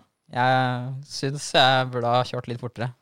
Du er eh, foran Markus Poverud, som du da er oppser direkte konkurrent med. Da. ja, ja. Så du er den eh, raskeste eh, på asfalt. faktisk. Det var da enda godt, det, da. Du har mye rallyfolk foran deg. Ja, jo, jo. Ja, Da får vi ha det som unnskyldning, da, hvis vi skal finne en unnskyldning for dette her. Det var, de har mer erfaring på grus enn det jeg har. Vi får se om, eh, om vi enda bytter ut den der eh, etappa vår med en som er på asfalt. Så Ja, Men da stiller jeg. Da stiller jeg til revansj. Ikke sant? Ja. Ikke sant? Er det noe du gjør en del ellers òg, å å kjøre simulator for å ja, prøve å Det er vel ikke fullverdig trening det heller, men det er vel i hvert fall bedre enn ingenting? Ja, helt klart. Um, jeg har kjørt en del simulator egentlig hele tiden. Uh, mest for å lære meg baner, nye baner, og um, bare liksom få dem inn og bremse, bremsepunkter osv. Uh, det er jo som du sier, det er jo ikke helt samme som virkeligheten, men eh, det er eh, det er, eh, det er lærerikt, da. Eh, og jeg, jeg tror det hjelper på, i hvert fall at du får litt mer erfaring før du kommer på banen og skal kjøre der. Der får du ikke utnytta den der, den der rumpefølelsen. Nei, ikke helt. Jeg gjør ikke det, altså. Så det sliter jeg litt med. Er, eh, ja, det blir ikke det samme sånn sett. Men eh, jeg har jo vært og kjørt en del sånne profesjonelle simulatorer òg, som på Silverstone og sånn, og det, jeg, jeg finner ikke godfølelsen der heller. Altså Uansett hvor dyre de der simulatorene blir, så er det liksom Det er ikke det samme. Det er ikke det samme. Det er noe annet. Så det er all honnør til dem som driver med simracing, altså, for det er, eh, det er, det er rått, det, altså. Men eh, det er eh, Jeg tror det blir en egen gren, liksom. Det blir jo Ja, det er ikke bare bare. Det er, det er umulig å gjenskape den følelsen. Ja, jeg tror det.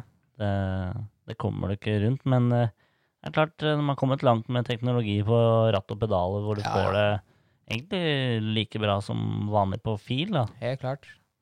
Men eh, du har jo fått brukt rumpefølelsen litt ellers. Det har jo florert noen bilder av, av deg i ja, det, Dette her hørtes kjempe... Nå er jeg veldig nysgjerrig på hva slags bilder du sitter på her, altså. Denne må du roe inn, Emil. ja, det skal du bare visst. Hvis det her er noen sånne Rune Rudberg-bilder nå, da Da Da er det noe som har gått meg i hus forbi òg, så da er det bare å Nei, det, det er noe Thomas har sendt. Da. Ja, men er du sikker på at det er min rumpe og ikke Thomas sin rumpe da, eller? Det er Liksom, det, vi må, det må vi få kartlagt her. Nei da, det var vel heller med hvor du er iført en uh, Fastlap-T-skjorte. Jaha. Ja, ja, ja. Der uh, blei vi litt nysgjerrige, for det lurte vi på eh, litt hva, hva er det for noe? Nei, Det er et nytt, eller det er et annet prosjekt som vi har eh, drevet på litt på si, da. Det er jo viktig å ha litt å drive med. Ja. Så eh, nei, jeg eh, har eh, blitt programleder for en eh, program som heter Fastlap, som går på bilkanalen Automotor og Sport, som er i Norge. Mm. Eh, Så der har vi vært i Tyskland og spilt inn en del eh, episoder med en del morsomme biler da, som vi tester på bane og kjører eh, ja, både fort og sakte med, og egentlig bare forteller litt om bilen og følelsen med bilen. Og så har vi en sånn tabell, da, sånn som dere har her, med rundetider, så vi sammenligner bilene. Mm. Og- og litt sånn analyserer analyserer bilene rett og slett da, mot hverandre. Er det noe som er ute allerede nå, eller er det Det begynner i desember, har vi premiere. Ok. Så øh, det er jo et konsept som har gått på TV tidligere, så det er bare egentlig en sånn uh, ja, revamp. Eh, Ja. Så øh, det er uh, begynner i desember, ja. Og så er det vel noen og 20 episoder som, til å begynne med. Hva, hva må jeg gjøre for å få sett dette her? Ja, det er tilgjengelig, tror jeg, på alle sånne hva heter det, for noe, Get, Altibox og alt sånt. Du Ja, må bare, jeg, tror det er noe sånn tilvalg, så du må velge det. Det gratiskanal som du må velge da på Skjønner? Ja. skjønner. Ok. Og kanalen het Den heter Bilkanalen Automotor og Sport. Bilkanalen Automotor og Sport. Da har jeg fått en ny kanal eh, på lista, tror jeg. ja. Tøft. Det hørtes gøy ut. Ja da, det er moro, det. Så da har jeg fått prøvd litt andre biler òg, da. Innimellom. Kan du eh, komme med noen teaser her på, på um, en del biler dere, dere har kjørt, eller? Ja, vi har kjørt mye morsomme biler, da. Eh, Mm, det, men det, eh, det vil jeg tro at det er den vi veien har, eh, vi har annet testa den nye 488 Pista. Eh, Vi testa den nye Porsche GT3 RS-en. Eh, ja, så er det jo da noen flere som vi kommer tilbake til eh, når Mm. du ser programmet. Moro. Så det er moro. Ja, men det, det hørtes ut som eh, vi må følge litt med på. Ja, men sånt er moro. Det, Ja. er- Ja, ja. det er ikke til å komme unna, det, altså. Og så hjelper det å frykte mye når den som da skal ha de testene, faktisk har peiling på det her. Ja, jeg, jeg jo sa det når Så, vi sånn for våre steder som driver med motorsport, så er det en vesentlig viktig del. At Ja. den som prater, at den skjønner hva han Mm. snakker om. Det har vi hatt fokus på, kan du si. Når vi begynte prosjektet òg, så er det liksom Vi må jo Vi må formidle dette her, at vi har kunnskap om hva vi driver med, og at vi Altså uh, Dette er fakta, på en måte. Så det har jo vært kan du si, det vi har hatt litt fokus på når vi har vært nede i Tyskland og hatt innspilling. Men en, apropos andre biler og mye forskjellige biler, så du som eh, alle oss andre som har vært litt rundt omkring i verden, har vært innom mye leiebiler. Verdens Eh, ja. raskeste bil, var det ikke det? Ja, En leiebil er verdens raskeste bil, ifølge Jeremy Clarkson. Um, hva er den verste leiebilen du har hatt? Det er veldig feit, det er mitt svar. Ja, for alle som har hatt en har det svaret der, egentlig? Jeg, jeg veit det, men jeg husker faen ikke hva den heter for noe. Ja, jeg jo veit hva slags bil det er, jeg vet hvor jeg leide den men jeg husker, ikke hva slags, eller, altså, jeg husker ikke hva slags merke det var. Det var i England. Det var på Stansted. Jeg hadde med meg Thomas, faktisk. Mm. Thomas fikk vel eh, noen ryggproblemer han, tror jeg, etter at vi var ferdig på den turen. Så hadde han faktisk vondt i ryggen noen uker etterpå. Ehm, men jeg husker, eller lurer på om det var en Citroën eller noe sånt. Det var altså noe av det verste, for det var ingen motor der. Det skjedde jo ingenting når du trykka inn gassen. Og så kjørte vi på noen bakveier, ja, engelske veier, da. De er jo som regel ganske små trange og humpete og dumpete. Så vi kjørte der, og det var altså eh, Du følte at du skulle dø hver gang du tok en sving. For det var helt paddeflate seter, og du liksom bare seila rundt inni der. Og det var jo ingen ny leie, altså det var en gammel leiebil. Det var en gammel bil. Hadde gått kilometerne sine, for å si det sånn. Og bremsepedalen den var rimelig myk, så det var liksom Det var ingenting som funka på den bilen som var sånn som du føler det skal være når du går og leier en leiebil. Ja, ja. Men jeg husker ikke hva slags merke det var. Men jeg tror det var noe sånn Citroën-aktig greier, altså. Jeg husker vi hadde en eh, Toyota Prius en gang i Frankrike. Ja, Da satt vel faren din eh, Vi satt på parkeringa i 20 minutter, vel, før vi fikk fyra han. ja nei, det, jeg var ganske sikker Men Vi har vært i Frankrike flere ganger, men jeg mener vi hadde Jeg tror det er Citroën, det òg. Det som egentlig ser ut som en sånn kassebil, og så går egentlig bare fronten rett ned, og så er vel kåra til verdens styggeste bil, hvis ikke jeg tar feil? Det er ikke den Fiaten.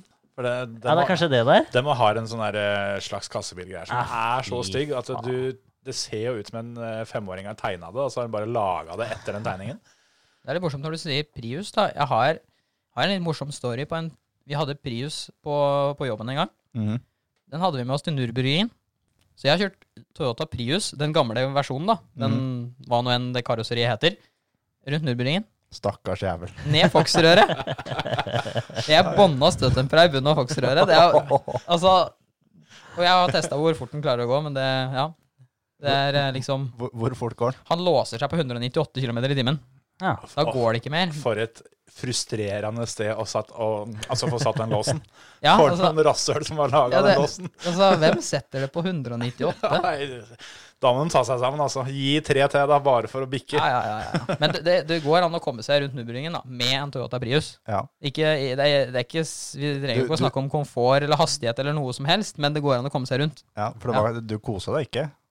Så det var første gang jeg kjørte på Nuberingen. da. Det var mitt første øh, syn. Altså, første gang jeg kjørte på Nuberingen. Ja, da, da hjelper det. Da hjelper det, altså. Ja. Jeg er ganske sikker på at uansett hva slags bil det hadde vært, så hadde det vært ganske stort, men Toyota Prius var langt fra det verste jeg kunne sitte i akkurat der og da. Hvis du hadde fått lov å ta med deg hvilken som helst bil uh, og, og fise rundt her, ikke altså gatebil, hva, hva ville du kjørt uh, en runde med da? Tenker du på bane, eller tenker du på vei, eller tenker du på Nei, jeg tenker Nürburgringen, da. Å, ja. Nei, det blir Toyota Prius, det. ja, altså Toyota Prius, jeg tenker det er, det er gull verdt. Det er det jeg er mest kjent med, da, vet du. Det har jo kommet eh, en ny modell, og Ja, ja, det er sikkert spennende, det. Kan hende at de har flytta fartssperra opp til 200 på den. Må jo finne ut det. Ja, ja, ja. Eller om de har flytta den én ned. Ja, det òg kan hende. Da blir jeg veldig frustrert. Da må jeg sende en mail, kjenner jeg, til noen, hvis de har flytta den fartssperra ned. Noen må gå da, ja. Ja, ja, ja. Blir det lang slette, altså. Ja, fytti helsike. Ja, Men det var ikke så ille. Men altså, det har jo noe med første, Det er første gangen du er der, ikke sant? Mm. Så det, den der hastigheten det var akkurat passelig, for da kan du se litt på landskapet Ja, rundt. Du kunne se bensinstasjonen på, på Raka, for du er jo en bensinstasjon på Ja, ja. utsiden av banen. Ja. I tilfelle du måtte lade. Ja, altså, det, da vet du at ja, men der er det en bensinstasjon, så da kan vi stoppe der og kjøpe litt vann etterpå. Ikke Ja, sant? smart, Eh, og så, når du da skal komme på enden av Raka, så har du en liten sånn innbremsing og en liten sjikane der. Og det, altså, når det ikke da går fortere, så har du litt tid til å tenke over ting og altså, tenke over livet, rett og Ja, slett. rett og slett. Og vurdere da om, eh, om dette er eh, en bane du skal kjøre mer på. Ja, skal Ja. jeg ta en runde til? Ja, ikke sant? Så det, det var ikke det verste å kjøre med det, altså. Så er det vel litt sånn at, eh, at når de kjører så fort som den bilen klarer å gå, så vil jeg jo tippe at det, det er noen lyder og litt av hvert og ting og tang som skjer. At du må ha, du må ha noe fokus her uansett, vil jeg tro. Ja, det, det verste var egentlig støttempera. Ja, for det, Altså, du hadde ikke så mye mark... Altså, han satt ikke på bakken fordi du bånda støttempera så lett. ja. Jeg tror kanskje bilen er litt tung i forhold til Jeg vet ikke, men uh, han er sikkert ikke bygd for det uansett. Da, men altså, jeg tror det, det problemet det var støttempera, altså. Mm. Så hvis jeg skulle bytta noe, eh, så ville jeg bytta støttemperne. Jeg veit Teslaene som går eh, rundt der, de må bytte støttdempere. Ja, må det, ja? Altfor myke, så det bånder skikkelig ned bakken der. Ja, ja, ja. ja. Mm. Men jeg husker når vi hadde den Priusen som leiebil i Frankrike, så når da lå på motorveien, og eneste som var forskjellen når du ga bånn gass, da er 120. Det skjedde ikke noe med farta. Det var bare Det var lyden. lyden, ja. Det, det er en sånn særegen lyd òg, vet du, i den der bilen som liksom bare Ja, ja, ja. ja, ja. Men altså, det er jo mange, det er jo mange Har du en sånn Prius, eller? Nei, jeg Sånn som du ikke prøver å få solgt Nei, jeg, jeg har ikke det lenger nå, da. Jeg har ikke det. Nei. Så, men, men altså, jeg tenker liksom det er mange leiebiler som har hatt et tøft liv. Men, men, er- men altså, det, definitivt. Og jeg har sikkert bidratt til noen opp gjennom åra, for å si det sånn. Mm. Men jeg tenker jo liksom, det må jo være ganske verdig hvis en bil skal dø, så skal den dø på Nürburgringen, liksom. Ja, det er sant. Det er, altså, jeg tenker at det må være Ja. I den grad du på en måte lager en Cars-oppfølger eller eh, et eller annet sånt, så vil jeg tro at leiebilen sin store drøm er nettopp det. Helt klart. Jeg tror det, altså. Du gjorde jo den der, den der Priusen altså en stor tjeneste. han døde jo ikke der, jeg kjørte den hele veien hjem til Norge igjen, og vi har brukt den lenge etterpå. Men altså, hvis vi skulle hatt en leiebil, Ja, og du skulle tatt livet av den, så tror jeg kanskje jeg ville gjort det på Nuberingen. Ja. For der er liksom et verdig sted for en bil å dø. Ja, døren er bare blant likesinnede. da. ja, ikke sant? Har du tatt livet av mye, mye bil? Nei, jeg tror ikke jeg har tatt livet av noen, jeg. Jeg har blåst noen motorer, da. Ja, ja. men Ja. Det, Altså I noe Det har vi alle. 24-timersløp og sånn, så har jeg liksom gått med noen motorer, men jeg har aldri kverka en bil, nei. Nei. Har ikke det. Åssen er, er den følelsen sånn når du deler bil med noen? Det å sitte i bilen når motoren ryker? For det er ikke sikkert at det er direkte din skyld. Nei, men det er helt forferdelig. Det er det. Kjenner du på den følelsen overfor de andre førerne mest da, eller er det hele teamet du tenker på? Eh, hele teamet, egentlig. For eh, det er liksom Teamet, dem jobber jo De jobber jo hele året. Og de jobber så hardt, liksom. Det er, det er den passion de har, og det er dette de lever for. De ånder for at vi skal gjøre det bra på banen. Mm. Og så er det da en så enkel ting som at motoren blåser. Altså det blir høl i en sylinder, altså et eller annet sånn banale greier som liksom Det er forbanna fælt, egentlig. Mm. Så ja, det er utrolig frustrerende. Men du, altså, du tenker selvfølgelig på sjåføren også, da. Men eh, Det verste for min del, det er teamet. Mm. For det er all den tiden de legger i, og så er da Ja, de tar jo bilen inn, da, bytter motor, selvfølgelig, og de gjør en helt sinnssyk jobb når de bytter motor på en halvtime, eller hva nå de gjør. Men uh, fortsatt så føler du liksom med teamet at det Der røk den sjansen, liksom. Mm. Ja, det er jo sånn det er, da. Det er racing, det. Det er materialsport, så det er egentlig det er, det er en del av det er en del av gamet, det. Når du kjører 24-timersløp, du har jo kjørt en del av dem. Jeg vet ikke om du har noe tall på det? Mange du har kjørt? Nei, eh, mange. Jeg husker ikke helt i hodet, nei. Er det noe favorittidspunkt på døgnet som eh, er bedre å kjøre enn andre? Ja, for min del så er det vel egentlig sånn eh, det de kaller helvetestimen, holdt jeg på å si, da, i Mhm. timene. Mm. Men eh, når det liksom er sånn fra, fra lyst til mørkt, og fra mørkt til lyst Den der skumringstimen, ja. Ja, Mm. eh, og det samme om morgenen, liksom, når du får morgensola. Mm. Da trives jeg. Da koser du deg. jeg gjør det. Men det er, det er liksom det er samme som at jeg, jeg trives når det er liksom vanskelig kjøreforhold. Altså når det regner og jeg stiller med sliks, og de andre rundt meg kjører på regndekk, da trives jeg. Så jeg er kanskje litt, jeg er litt rart skrudd sammen, men uh, enten eller så har jeg kjørt for mye i England. For der er det jo som regel vann på banen. Mm, mm, ja. Så men det er, det er, ja, jeg trives når det er vanskelige forhold, så det er liksom Liker å ha det jævlig. Ja, altså det er liksom Da koser jeg meg. Ja. ja. Det er jo godt at det er noen som kan ta den jobben. Ja, for det som regel, da, så er det jo ingen som rekker opp hånda på teamet når det er liksom er sånn, hvis det er noe fordeling av eh, stint og sånn ute og går, Ja. så er det liksom, det er ikke så veldig mange som rekker opp hånda om å kjøre fra 11 til 1, eller fra 1 til 3, liksom. Det er, eh, som regel så er det ikke, de fleste vi kjører når det er lyst og fint vær. Denne gangen lar vi Skjerpen velge først. Ja, da tar jeg, tar jeg 11 tett, jeg. ja, ja, det er, det, det er liksom standarden. Så eh, etter hvert, da, når du liksom blir kjent med teamet og sånt, så er det, da spør de ikke lenger. Da, blir du, da får du bare et A4-ark, og så ser du når du skal kjøre, og dem, du ser at du, du har fått liksom Ja, Ja, du, vet, du vet når du skal kjøre, liksom. Åssen er det med 24-timersløp og søvn? Eh, For din del, er, sovner du lett og kan sove hvor som helst, eller eh, sliter du med å sove når ikke du kjører? Jeg sover ikke hvor som helst, men jeg kan sove ganske Jeg sovner fort, og jeg kan sove ganske mye rare steder, ja. Mm. Som regel så har jo disse lastebilene til teamet har jo kontoravdelinger eller et eller annet sånt. Så som regel så bare finner jeg meg en sofa, og så slenger jeg meg nedpå der, jeg, og så sover jeg noen minutter. Så det pleier å løse seg egentlig ganske greit. Hvis vi får tid til å sove, da. Det er ikke alltid vi får tid til å sove. Så da må vi jo bare hive i oss mat og være klar til neste stint, liksom. Mm. Vi pleier jo å ha um, alltid ukas ord, som vi har et uh, motorsportsuttrykk, eller ord, som vi da bruker mye i dagligtalen. Men okay. som uh, de som ikke er så mye inne i motorsport, de veit ikke hva det er for noe. Mm. Så da tenkte vi skulle få deg til å forklare hva et stint er for noe. Ja, Det er jo Det husker Det jeg faktisk at, uh, at jeg lurte på sjøl en stund. Ja, for det, det, er- jeg, det tror jeg Det har jeg gjort òg når jeg var eh, litt yngre. Jeg innbiller meg, eller håper kanskje, at det er ikke et ord som er så veldig gammelt. Nei, Sånn- og så lurer jeg på Fordi det er jo i utlandet sier de også stint, så er det, er vel kanskje ikke et norsk ord? Det kan hende at at det har kommet hit forholdsvis nylig. Ja, ja, ja. Altså at det er sånn det henger sammen. For det, det er ikke så jækla lenge siden jeg egentlig fant ut hva det var. Et stint, altså eh, Hvordan skal du forklare det, da? Det er, kan du si, din eh, Det er en eh, Ja, det var et godt spørsmål hvordan du skal forklare stint. For det er liksom, det er stint er jo stint, da. Men Ja. eh, det er liksom ditt hit, da, for å si det sånn. Det er, eh, Et pass, på en et måte. pass, ja. Det var et godt ord. Det var det jeg var på utkikk etter. Mm. Et pass. Det er jo et, et stint, egentlig. Så kan du si hvis du kjører et stint på én time, så har du liksom Det er, det er et pass da, som varer i en time. Fra du kjører ut fra depot til du kommer inn Ja, på en måte. ja. Mm. Så Den bruker jo i Formel 1 og med tanke på dekka, hvor, hvor, Mm.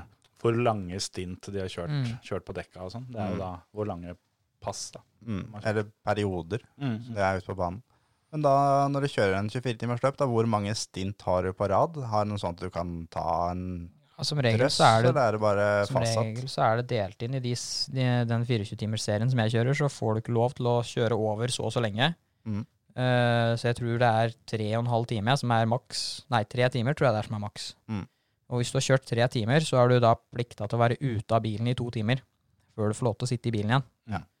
Uh, så du kan si uh, Vi kjører jo som regel på bensin, vi da. Altså vi, vi timer det i forhold til bensintanken. Så si at vi kjører to fulle bensintanker. Det tilsvarer ca. to og en halv time. Og da, da er det naturlig at vi går inn og bytter, istedenfor at vi fyller en halv tank, og så må Ja. sjåføren ut og kjøre et halvt stint. og så, Det er selvfølgelig litt taktikk og fram og tilbake, da, men Mm. normalt sett så er det det som er utgangspunktet. Mm. Og så bytter vi jo dekk og sånt i forhold til det òg, da, selvfølgelig. Men, øh, men vi kjører som regel på bensintank, og da er det to til to og en halv time per sjåfør på de som øh, Hva skal jeg si? De som er, og, som er der for å vinne, da, eller de som Mhm, skal levere resultatene. Og så har du gentlemanene, de kjører så lenge de orker, egentlig. Ja. Har det skjedd at du, du har egentlig kjørt deg ferdig, og så fått beskjed om at det, kan du hoppe inn og ta et stint eller to? Ja, det skjer ganske ofte. Ja. Ja, det skjer ganske ofte. Har det vært det at du har på en måte hekta kjøredressen eh, ned på hofta og har funnet deg litt mat og liksom alt sammen, og så plutselig så kommer det en eller annen bråbeskjed at du, nå hæler jeg ikke hjemme, nå kommer jeg inn? Ja, ikke, kanskje ikke av sjåføren, men eh, når jeg kjørte i Dubai eh, nå sist, så Ja, sist, da, det er kanskje to år siden, da. Men uh, uansett, når jeg kjørte i Dubai sist, så um, Det var vel egentlig midt på natta. Så lå vi an til å ta over ledelsen. Mm. Uh, for vi hadde jo ligget og kniva hele tiden, og det var liksom, vi kjørte kvalrunder, alle mann. Det var liksom Det var ingen no mercy, liksom. Her skulle det virkelig kjøres. Uh, og når jeg kom inn fra mitt stint, så var det liksom å hive i seg litt mat, som jeg pleier å gjøre. Alt som jeg, altså jeg har den rutina da, som jeg pleier å gjøre, gå gjennom og alt sånt. Og tar av meg eh, liksom det svette undertøyet og brannsikre undertøyet, liksom, og gjør meg klar til liksom å roe ned kroppen litt. Så da kommer liksom bare han ene ingeniøren og bare eh, Du skal være i bilen om én time, så det er bare å kle på deg. Ja, men du, du fikk i hvert fall en times Ja, ja, ja, Hadde han sagt det. at det er fem minutter til du skal ut igjen, så Nei, altså jeg var jo heldig sånn sett, da. Eh, men eh, da hadde jeg allerede kjørt et dobbeltstint, så jeg var rimelig sliten og hadde egentlig bare lyst på mat. Ja. Og da var sånn herre Ja, jeg skal i hvert fall spise først, husker jeg sa til ham. Jeg skal spise, og jeg skal drikke, og så skal jeg gjøre meg klar til å komme ut i bilen igjen. det tar den tida det tar. men jeg rakk, jeg rakk det, da. Så det gikk fint. Men, eh, men eh, du får ofte litt sånn derre adhoc-beskjeder om at eh, ting endrer seg da når du kjører i 24 timer, for det er jo alltid noe som skjer. Hvor mye må du trene fysisk da, for å være klar for alt det her sånn? For du må jo være skrudd på hele tida. Ja. Hvor mye tid er det som går med til fysisk trening? Mye. Mye, punktum. Mye, ja. Altså, det er mye. Er, jeg, jeg, trener, jeg trener mye. Jeg gjør det. Så um, Ja, altså, det er Og så er det, kan du si Det er jo all mulig trening, da. Jeg jogger mye, mye styrketrening, mye sykling. Det er liksom uh, Jeg prøver å variere litt for å ikke bli lei, egentlig. Uh, så syns jeg det er, Jeg synes jo egentlig det er morsomt å trene òg, da. Litt forskjellig hele tiden. Mm. Da, da, det hjelper selvfølgelig på. Men du må være, du må være ekstremt uh, fokusert og fit, kan du si, for å, for å kjøre, da. Eh, Spesielt om natta, for da bruker du Altså eh, Du bruker veldig mye mer hjernekapasitet da, når du kjører om natta. Så du må trene litt mental styrke også, for å liksom henge med. For det, ting skjer veldig fort, og når det er mørkt, så må du fokusere på litt mer, litt mer ting. Så ja, du må liksom Mm. være der. Mm. Så, jeg har en litt morsom historie når vi kjørte i USA, tror jeg det var. Første året vi kjørte i USA med Leipert og Lamborghini. Så fikk jeg det derre Jeg fikk passet mitt, da. Det kveldsstintet sånn akkurat inn i mørket. Ja. Når jeg hadde kjørt i ca. to timer, ja, to timer, så tok jeg igjen en GT3-bil og kjørte forbi en GT3-bil. Og så ble det alt mørkt. Det ble bekmørkt, liksom. Det, det ble helt mørkt. ja. Og da hadde lysa slutta å funke. Og jeg hadde en, ja, en god halvtime da, på bensintanken, så jeg skulle i hvert fall ligge ute en halvtime til.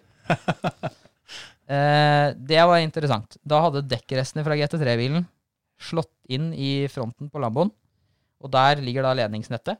Og Ja. slått i stykker ledningsnettet på Lamboen, så alle lysa hadde kortslutta. Det var liksom ikke mer lys igjen på bilen. Jeg hadde noe parklys helt liksom nederst, da, som var sånne små LED-greier. og Det lyser ikke spesielt. Det spesielt er bare mye. til pynt, egentlig. Ja, det var, det var bare fint. Da var det mørkt. Eh, da var det litt krevende å kjøre. Det vet du. Eh, men det gikk. Vi kom da på andreplass eller noe sånt til slutt på det løpet òg, så det, det gikk jo. Men eh, Du kjørte en halvtime til med det? ja, Altså. ja, ja. Det var ikke snakk om å kjøre inn da og få det fiksa? Nei, altså, da hadde vi jo tapt Ja, plasseringen. ja, ja. Så vi kjempa jo om, om førsteplassen, egentlig. Så det For min del så var det i hvert fall ikke noe Jeg gikk, jeg gikk på radioen og spurte ingeniøren da om han mente at jeg kunne kjøre videre. Mm. For jeg visste jo ikke hva slags ledninger som gikk der framme, så hvis motoren blåste pga. at jeg var Det er klart. Så jeg spurte egentlig om det var safe til å kjøre sånn bilmessig. Og han sa at hvis du ser noe, så må du bare kjøre. Ja. Og jeg sa at jeg ser ingenting, men jeg fortsetter å kjøre, så da Ja. Det der, det der tror jeg er sånn egen sånn derre som, som slår inn når du kjører og fighter om noe. Ja, At uh, jeg har kjørt uh, bilcrossheat som det har tatt fyr inn i bilen, ja, ja. ja. ut på runde to, Mhm. og uh, skjønt det at det, det heatet her er mulighet til å vinne. Jeg stopper jo ikke nå. Det er bare å trekke pusten og kjøre til det er ferdig. ja, ja. Men det er sånn, hadde skjedd langs veien da, du hadde kjørt uten gatelys, og lyset hadde kutta, du hadde stoppet tvert. ja, ja. Ja, ja, det er klart. Og men det som er litt morsomt også, det, eller det som er litt sånn spesielt da, med Lamboen, er jo at eh, den, den vi kjører, heter jo Super Trofeo. Eh, han går ikke like fort som en GT3-bil på rundetidene, men han går fortere enn en GT3-bil på rettstrekkene. Så det du kunne gjøre da når vi kjørte i USA, det var at jeg vet jo at bilen går fortere enn en GT3-bil, så hvis jeg tok en GT3-bil på, på begynnelsen av raka, så kunne jeg bruke dens lys Mm. nedover raka, så jeg så hvor svingen kom. Og så visste jeg at jeg klarte sånn cirka å holde meg bak den gjennom sjikanene etterpå. Og så var det liksom en ny rake, og da måtte jeg ta igjen den igjen. Så det liksom, jeg klarte å jeg klarte å bruke lysene på noen av konkurrentene og litt sånn. Jeg tror jeg hadde slitt litt hvis jeg hadde kjørt Mercedesen, for den går jo ikke like fort. Men med Lamboen så gikk det, siden den gikk fortere enn GT3-bilene på restrekka, så klarte jeg liksom å rikse og mikse litt, så jeg fikk litt lys innimellom da når jeg trengte det. Men da vil jeg tro at du er rimelig ferdig når du er ferdig med det stintet der og kommer inn. Ja, jeg var sliten. Da var jeg sliten, altså. Mm. Jeg var det. Jeg tenkte på det, apropos med doble stint og sånn som du sa, så eh, stemmer det at du, eh, du kjørte en sånn firetimers fire serie i Sverige, hvor eh, de andre var to førere på bilen, mens du kjørte alene. Ja, det stemmer det. Jeg gjorde det mange ganger, egentlig. Ja, Så det, det var vel et eh, forholdsvis ålreit grunnlag som ble lagt der. Ja, helt klart. Det, altså, du får jo dobbelt så mye kjøring, da, Ja. så det var jo liksom, for min del så var det jo genialt. Er det vanlig, eller var det noe som du bare fant ut at det ville du gjøre? Nei, de måtte endre regelverket når jeg kom, så jeg tror ikke de hadde vært borti det før, i hvert fall. Eh, for de hadde, det var som regel vanlig å bytte sjåfør. Ja, ja. Eh, de visste ikke helt hva de skulle gjøre når jeg kom første gangen, så da måtte de re gjøre om litt i regelverket, så de fikk, fikk meg inn, da. Ja, ja. For de ville veldig ha, gjerne ha med en nordmann som kjørte alene. Ikke sant? Ja, nei, men det er jo er hyggelig, det. Og- Ja, jeg, jeg fikk jo mye kjøretid, og vi hevde oss i toppen, så det var liksom, det var koselig, det. Jeg vil jo tro dem, eh, dem, eh, dem husker helt sikkert deg òg nå. Ja, jeg, jeg, jeg, altså. jeg, tror det. Jeg, noen av dem husker meg ennå, ja. De gjør det. Endra reglene for eh, svensk langdistansekjøring. Hvor mye annen motorsport er det du følger med på når ikke du kjører sjøl? Er, er det Formel 1 du følger med på, eller er du følger med på alt, eller? Nei, du, det varierer veldig, egentlig. Det er noen helger så er det litt sånn at jeg ikke orker å følge med på noen ting. Eh, noen helger så vil jeg bare ha helt sånn motorfri, egentlig, Mm. hvis du kan kalle det det. Så noen helger så, hvis det er Formel 1 på TV-en, så ser jeg ikke på det. Jeg ser ikke på noen ting. Jeg bare Jeg ser egentlig ikke så veldig mye på TV da, sånn generelt, men uh, noen ganger så er det liksom bare block out alt. Mm. Uh, men uh, det jeg ser mest på, er vel um, GT World Challenge, altså gamle Blank Pound-serien. Og Vekk ser jeg jo på. Og så er det jo litt Formel 1, selvfølgelig, og, og MotoGP syns jeg er morsomt å følge med på. Mm. MotoGP er jo liksom Ja, det er jo sinnssyk, sinnssyk kjøring. Altså, Mm. dem som kjører der, det er jo Ja. Så ja, jeg syns det er kult. Er det et par andre her som har eh, blitt litt MotoGP-fans i det siste òg? Ja, det kan du trygt si. Men det er jo underholdende å se på, da. Nei, det er jo skikkelig racing. Ja, det er jo det er der det er ordentlig, liksom Det er jo helt sinnssykt hvor fort de kjører, og liksom kniver i de hastighetene og bare kaster seg inn i svingene og liksom, ja. Hvor tett det går an å ligge. Ja. Det, det forundrer meg hver gang. ja, ja. Og at det er litt ordentlig forbikjøringer din. Jeg har savna liksom forbikjøringer. Ja. Altså det, sånn som Formel 1, så er det Du kan jo se en halv runde før at nå kommer han til å åpne DRS-en, så kjører han forbi på sletta. Ja, ja. Det er liksom ikke den derre bremse seint, komme seg forbi-greia. Ja, da, han er, å, å, ok, han er et sekund bak. Ja, men da kjører han forbi på strekka etterpå. Ja, det er akkurat det. Så nå er han innafor for et sekund, da er han forbi. Det blir litt kjedelig i lengden. Det er ikke så mye DRS på de syklene. Nei, Nei, takk. Gud for det. Ja, det er eh, Jeg, jeg syns MotoGP det er ordentlig kult. Men jeg, jeg, altså, jeg vet ikke, jeg, altså, Dette er sikkert ikke så veldig populært å si, men jeg, har- jeg har sett litt på Formel E òg, da. Og det er jo faktisk noen ganger mer underholdende å se Formel E enn Formel 1. Mm, jeg er ja. helt, helt enig. Altså, det er jo, der er det ordentlig kniving noen ganger. Mm. Så hvis du liksom ser bort ifra at det ikke er noe lyd, og at det er litt sånn ja, La oss si at det er litt stusslig, da, og sånn generelt, men også kanskje fremtiden. Men, eh, men altså, dem kniver det i hvert fall. Og de bilene går jo helt likt. Det Ja, ja. helt, det er helt sinnssykt å se liksom Jeg har snakka med noen av de sjåførene Jeg kjenner jo noen av mekanikere som jobber i Formel E, og de sier jo det at liksom det er, Når du bremser med de bilene, så er det jo Det er jo ikke bremser på bilene. Det fins jo ikke bremser på bilene, for bremsene er så dårlige. Mm. Så det er liksom Det er vel det som er underholdningsverdien, da. At det er liksom, det er liksom gamle dager igjen, på en måte. Jeg er helt enig i det. Sjølve racinga der sånn, og fightinga, er, det er dritkult. Ja, det kan være ordentlig underholdende, altså. Mm. Det er Bare synd de, eh, de har så mye dårlige baner. Hvis du hadde, hadde fått dem inn på de kuleste banene, så tror jeg det kunne blitt mye bedre. Mm. Få to i bredden opp uh, Aurouge, hadde Ja, vært Ja, tar på vinteren opp på. Ja, ja, hadde vært snadder, det, altså. Ja, ja. Er den banen litt for lang, eller? Åssen er det? Er nok det. Ja, det, jeg, det jeg har lært i hvert fall av de der Formel E-bilene, er jo at eh, de har jo, de har jo aksen, ikke sant? men eh, de kan jo ikke akselerere eller kjøre så veldig lenge på full gass. Nei. Så det er liksom det som er Det er vel derfor de har lagt det sånn som de har lagt det, da. Mm. Mm. Ja, nei, eh, Vi har snakka litt om, eh, om den, eh, den serien før òg. Den eh, får jo VM-status fra 2021. Mm. eh, Så det blir interessant å se om, eh, om hva som skjer der. Det kan, Helt eh, klart. det kan fort hende at det, det får seg et lite oppsving nå. Ja, helt klart. Og nå har de jo slutta med DTM, så nå er det liksom eh, Mm. De putter jo mye penger, de fabrikkene, inn i dette her. Jeg har jo vært på Audi-fabrikken i Nürnberg og sett hvordan det ser ut der i forhold til den satsingen de hadde i- i LMP1 i gamle dager. da. Mm. Nå har de jo Mm. gjort om det til Formel E. Det er jo helt sinnssyke fasiliteter for liksom å drive to biler. Ja.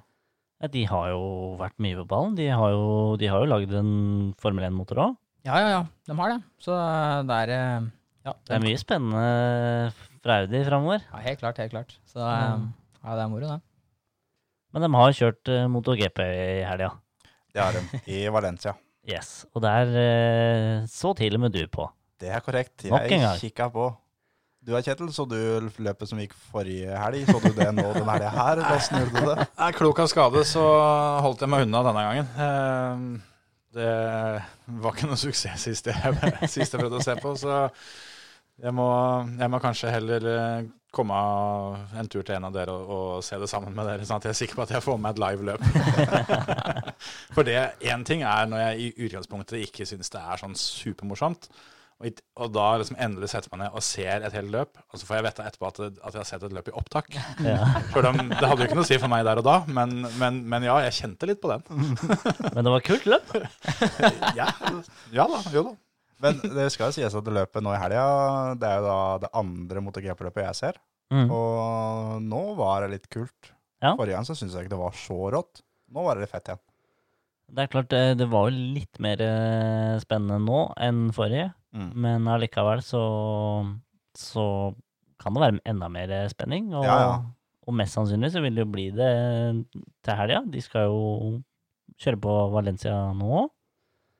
Og det er jo da bare to runder igjen av VM. Mm. Så der, eh, der er det jo VM-lederen eh, Juan Mir som, som tok sin første eh, MotoGP-seier, faktisk. Såpass låner han til å ta en time Siano her og, og, og vinne sammenlagt uten å, uten å få en eneste rundeseier. Ja, og det var jo det de var redd for, da. Ja, det skjønner jeg jo, for det er jo litt spesielt. Men uh, tok eh, Tok eh, jomfrudommen sin der, gitt. Og, Ja, bra timing, da. Ja, sånn at uh, han leder VM med 37 poeng, så han trengte vel en fjerdeplass nå i siste for å bli verdensmester. Eller i da neste. Mm. For uh, å i det hele tatt avgjøre det, da.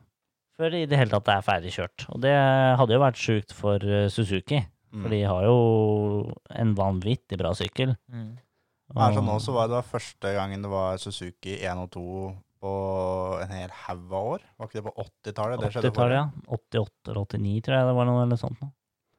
Men da, de var jo på pallen begge to forrige løpshelg òg. Da var det jo Alex Rins som eh, vant, og Mir på tredje. Mm. Men eh, første gang på veldig mange år at det var én og to. Mm. Så de, de har gjort en skikkelig jobb eh, hos Suzuki og fått noe som går noe jævlig bra. Så det, det blir spennende å se. Ja, jeg syns det var dritkult å se, og jeg- så ganske tidlig at, eh, at eh, Mir han var jo mye kjappere. Han venta liksom Mm. bare på å få den luka for å komme forbi. Og det er jo litt sånn for oss som har kjørt ting som går over flere runder. At du kan bare ligge der og vente. At jeg er kjappere, jeg må ikke stresse forbi, jeg kan bare vente. For luka den kommer til å komme en eller annen gang. Åssen er det for deg når du kjører eh, langdistanseløp? Er det sånn at du må forbi med en gang der, eller venter du litt? Nei, altså det varierer jo litt, men uh, som regel så vil du jo Altså, i langdistanse så gjelder det jo litt å spare bilen, da. Mm. Uh, og bremser og Det er litt sånn her at hvis du kan vente med bremsebytte til uh, ett stint, da, at du kan vente med å bytte bremser i tre timer, så er det lønnsomt, liksom. Mm. Eh, men eh, det er jo som du sier, det er jo en utrolig deilig følelse hvis du ligger bak en konkurrent og du ser at du, du kjører fortere enn og så kan du ligge bak og kontrollere litt. Mm. Og så kan da gutta i, i depotet da legge en strategier som gjør at vi tar den enten i et depotstopp eller eh, på en eller annen lur måte. da, At du kan ligge bak der og bare kontrollere løpet egentlig med, med at du har konkurrenten foran deg, egentlig. Mm. Bare kjøre og spare dekk og Ja, bremser og alt som er, rett og slett. Sparer bensin òg, så du kan ligge ute lenger da, enn konkurrenten foran som prøver å kjøre ifra deg. Mm. I MotoGP, da, har hun en, har en favoritt der, eller? Um, altså, Rossi er jo Rossi er jo Rossi, da. Rossi er Rossi. Men, uh, men altså Jeg, jeg, em, jeg syns det er litt kult med liksom de up and coming, da. Mm. De som eh, De som liksom eh, kanskje ikke du tror skulle stille sterkest, som liksom plutselig vinner et løp, ikke sant? Mm. Og så nå når Mark Marquez liksom ikke Er ikke er der lenger, for å si det sånn, så ble det jo liksom brått veldig, veldig åpent, kan vi jo si. Ja. Så det var litt sånn eh, Jeg syns det, det bidro nesten enda mer, da. Ja, At du liksom fikk vekk den favoritten, og, og det skjedde så mye i, i sirkuset på så kort tid, og da Altså Det er jo det som er litt av det gøye, å se at det er noen som du ikke trodde kunne vinne før sesongen starta, plutselig står øverst og kan vinne mesterskapet. ja. Det er jo helt sjukt. Um, og så er det jo det er litt eget når du ser på fra Valencia og Spania og sånt. Det er liksom MotoGP fra Valencia. Det er jo Det er ja. kult. det er kult. Er det en bane som eh, du har kjørt på noen gang, eller? Uh, ja, jeg har kjørt den, Mm. men ikke med racerbil. Nei, nei. Nei. Men, uh, på- Med, med Priusen, eller? jeg tok med Priusen til Spania en tur, da. Tok en roadtrip. Nei, eh, jeg var på World Finals i Lamborghini. De har sånn verdensfinale hvert år, da, hvor de da samler eh, den amerikanske og den asiatiske og den europeiske serien Mm. eh, på en bane, og så kjører alle sammen en World, World Finals. Så jeg var der som gjest et år, på Valencia. Og da fikk jeg kjøre Lamborghini rundt der, men ikke noe, ikke noe mer, da. Nei. Nei. Jeg fikk kjøre Lamborghini, men ikke racerbil. Du hadde ikke startnummer på. Hadde ikke startnummer på. Så, men, eh, men Det var vel ikke kjedelig Nei, likevel, Nei, det var ikke kjedelig. Og det er jo altså den, Da var det jo ikke korona, da, så det var lov med tilskuere. Ja. Og det er liksom det der, den stemningen i Spania når det er noe som har med motorsport å gjøre, det er jo noe særegent, da. Mm. Det er jo liksom eh, Ja. Det, er, eh, det, det blir litt atmosfære, kan man vel si. Ja, det vil jeg tro. Men tilbake litt til MotoGP, for du var vel innom Andrea Dovizioso her Stemmer. for eh, noen dager siden og nevnte det at han hadde vært og kjørt uh, testa litt rallycrossbil. Ja, det, det kan tyde på at han eh, endelig tar til vettet og får nok hjul under eh, Eller ned av asfalten. Ja, og jeg fnysa litt av det, helt til det jaggu kom en melding i stad om at eh, han skal ikke kjøre MotoGP neste år. Nei. Han eh, planlegger ikke å komme tilbake før 2022, så det ser jo ut som han skal ta oss og leke litt et år. Det er gøy å kjøre Audi, vet du. Det vet jo du, Emil. Ja, det er gøy, det. Veldig gøy. Men, eh, så det blir spennende å se. da. De har jo ikke noe kontrakt, noen av Ducati-gutta. Der blir de jo bytta ut. Og, og da har han sett sitt snitt og, og leker litt andre steder. Ja.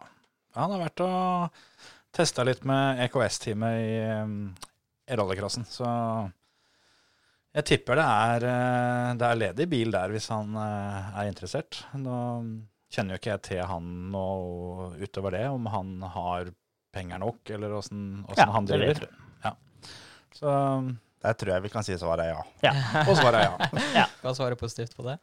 Det, det har jo vært ganske mange som, som har kjørt rallycross-VM. Altså, det er ganske spredt bakgrunn da, Mm. der. Så akkurat MotoGP har vi vel ikke sett ennå, men eh, Vi har jo hatt uh, toppførere fra DTM og VM-rally og rallycross og alt mulig rart, så mm, det blir spennende å se. Mm. Valentino Rossi jo prøvde seg vel litt med, med, med bil. Stemmer det. stemmer det. Han har kjørt litt, uh, litt rally, og de tippa jo at han For han har alltid kjørt til Monza rallyshow. Ja. Og der er jo den siste runden av VRC, går jo der i år. Ja, det stemmer det. stemmer det. Så det er jo tippa litt at uh, Valentino Rossi skal inn og kjøre en VRC-runde nå. Han har kjørt noen tidligere, men at han nå da skal kjøre der hvor han er vant til å kjøre, da. Ja, det, det hadde ikke vært feil, det. Det hadde ikke vært feil. VRC eh, har jo i likhet med i likhet med rallycrossen, så har jo, har runden deres i Belgia blitt avlyst. Og hadde det ikke vært for at de dytta inn dette, dette Monza-løpet, så hadde jo, hadde jo VRC vært ferdig. Ja. For det, de hadde egentlig igjen to, eller egentlig bare Belgia. Og så dytta de på et løp i Italia, og så ble Belgia avlyst. Så Mm. da Så både rallycross og Versa har nå én runde igjen. Mm. Ja, synd at rallycrossen på Spa ble, ble eller ikke, ikke blir noe av, for det var en kul bane, syns jeg. Og så er det det at Johan Kristoffersson er jo nå verdensmester. Ja, han ble vel kanskje det, han nå som det bare er en runde igjen. Nei, jeg tror det er 29 poeng jeg, som skiller ned til ekstra. Så han er verdensmester. Ja, så er det så godt også. Han trenger å stille til start, han da, så er det greit. Når du har snitt å ta 28 poeng hver gang du er ute på en banen, 28 av 30. Og du trenger ett. Oh, ja. Så nei, det høres sånn ut. Men uh, da høres det jo ut som at vi kanskje får kåre to verdensmestere til helga, da. For at, uh, eller altså fjerdeplass er vel ikke, er vel ikke noe du får på innsjekken i, um, i MotoGP. Men uh, Mir er vel Om han ikke tar det nå, så tar han det i hvert fall på det, på det siste, antageligvis. Ja, det kommer jo Det er jo litt sånn Det kommer an på hva da andremann, som da er teamkompisen hans, i tillegg nå. Fordi Alex Rins gikk jo opp eh, på poenglistene sammen med Fabio Quartararo. De deler andreplassen igjen nå. De deler den på 127, tror jeg det er. Og da er det jo avhengig av at, eh, at eh, rett og slett Mir gjør det dårlig, da. Og Pluss at de må vinne, da. ja, eller- eller, eller en topplassering, og at han ja, velter eller Mm. får noen motorproblemer eller noe sånt, så er jo døra oppe igjen. Så det, vi får se. Det er eh, Vi kan få to, da. For han, kan få to. Han kan, for han kan bli verdensmester, og Hamilton kommer til å bli verdensmester. Ja. Det, det er jo ikke helt bankers, det heller, men, eh, men der er det vel ikke så mye tvil. Nei, bedre sikkerhet. Men akkurat der, det er så sjukt. Jeg så akkurat nå her en dag at hvis Mercedes hadde bare fjerna poengene til Bottas, så hadde de fortsatt leda konstruktør-VM. Ja, ikke sant? Bare med Hamilton aleine. Da er du ganske overlegen. De trenger én mann de, for å vinne VM for konstruktør. Det gjør jo på en måte tilværelsen til Bottas litt mindre meningsfull. Det, man må jo si det. Hvorfor betaler vi deg så mye i året, Sånn, Det hadde jo vært hyggelig hvis, hvis ingen fortalte han akkurat det du sa nå. For Ja. det, det hadde vært ganske deprimerende å høre, tror jeg. Har du kjørt på den banen, forresten? Istanbul Park, som uh, Formel 1 skal kjøre Ja, på? faktisk ikke det. Nei. Jeg har ikke det. Så, men den ser jo utrolig kul ut, da. Jeg så jo eh, i gamle dager, da, hvis man kan kalle det det. Jeg så Kimi Raikkonen kjøre der liksom i gamle dager. Ja. Og det er jo ja, det, det er jo ordentlig racerbane, da. Det er jo faktisk, faktisk kjent som en av, en av de hvordan skal du si det, en av de store innbordsvideoene. Eh, Kimi Raikon på den banen fra 2005, når han kjører, kjører McLaren. Den, eh, den tror jeg vi skal dele på Facebook-sida vår, for det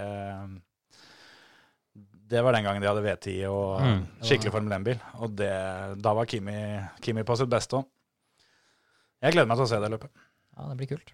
Men eh, gutter, jeg skal oh. bare lage litt eh, deilig mikrofonlyd her. For eh, oppi den uh, posen jeg sitter med her, så har vi fått to T-skjorter og to solbriller fra Alexander. Det er skikkelig teamklær Ja, ja. i ordentlig, ordentlig stoff. Ja, det er ikke noe Vi leker jo ikke butikk. Nei, det er Nei. altså noen håper å si, treningst-T-skjorter, da. Så det er eh, gode T-skjorter. Ja, ja. Men eh, vi må jo ha en måte å dele ut dette på. Å, er konkurransetid? Det er konkurransetid. Og vi tenkte jo at eh, du skulle få lov å sette opp en, uh, en liten konkurranse, da. Uff da. Såpass, ja. ja. Som du selvfølgelig også da er eh, dommer. Spennende. Så jeg vet ikke om du har noe eh, konkurranseforslag? Ja, altså, jeg tenker jo Vi har snakka mye om forbikjøring. Eh, så hvis noen kan eh, matche da forbikjøringa opp Rouge, da, som vi snakka om litt tidligere, Mm. den vinner, eh, vinner. Da Rett og fortjener slett. de meg eh, Da fortjener de en T-skjorte med litt logoer på, litt solbriller og Så er det da, i og med at du er dommer, så er det klart at hvis du finner en forbikjøring med en Prius det er mye, ja, mye Da stiller du sterkt. Har du Toyota Prius i forbikjøringa, da stiller du sterkt i den konkurransen her. Ja. Ja, det må jo sies. Så da kan vi si at den som eh, kommenterer med en forbikjøringsfilm da, Mm. i, eh, under episoden her sånn, Mm. den, eh, da trekker vi ut en vinner eh, ikke neste episode, men episoden etter, tenker jeg. Ja, Da vil den, den få litt tid på seg. Vi lar det gå i og med at vi eh, spiller inn eh, litt tidligere i uka enn episoden kommer, så, så lar vi det gå um, halvannen ukes tid for dere på dere. Ja. Fram til tirsdag, ikke førstkommende, men etter. Vi har jo, vi har jo to av hvert, så vi, vi trekker to vinnere, gutter. Dobbelt så stor vinnersjanse. Det er jo ikke sikkert vi blir enige. Nei, Nei. riktig. For vi veit jo på en måte det at hvis det om sånn det bare kommer én med en Prius, så velger Alexander Da stiller du sterkt, altså. Og da kan jo vi tre andre ta velge blant alle de andre. Og det, nå er det jo ikke sikkert alle dere som hører på, har hørt på oss hele tida, men eh, de som har gjort det, husker jo at vi har hatt den konkurransen før. Og vi kan vel si som så at det er ikke noe pluss å finne fram en av de, en av de videoene som var med sist. Nei. Nei. Men eh, De er aldri kjedelige å se på, Nei. men du vinner ikke. Antageligvis ikke. Det, men, men de er jo kule å se på, så vi tåler det en gang til. Men det er Nei. ikke sikkert det blir premie av det. Nei, men Skal vi si det sånn, da, gutter? Vi gjør det. Tror det er bra, ja, altså. Så får vi bare takke deg så mye for at du tok turen til oss. Tusen takk for at jeg fikk lov til å komme hit. Og så kan vi helt på tampen tise med at neste ukes episode det blir en spesialepisode. Jeg hadde tenkt, tenkt å si det, at eh, den som kommer til uka, den har vi ikke gjort maken til før. Men der, der, folk, der, der skal vi ikke eh, si for mye, for vi veit ikke helt hvordan dette kommer til å gå. Men den som kommer til, kommer til uka, den tror jeg kan bli interessant å få med seg. Vi kan si såpass at vi skal flytte studio. Ja. Det er alt vi skal si om det. Ja, vi skal i hvert fall gjøre et forsøk. Og det blir eh, spennende gjest. Og nei, det blir et eh, vanvittig opplegg. Jeg gleder meg skikkelig. Ja, men da sier vi det sånn, gutter. Det vil Ha det! Ha det. Ha det. Ha det.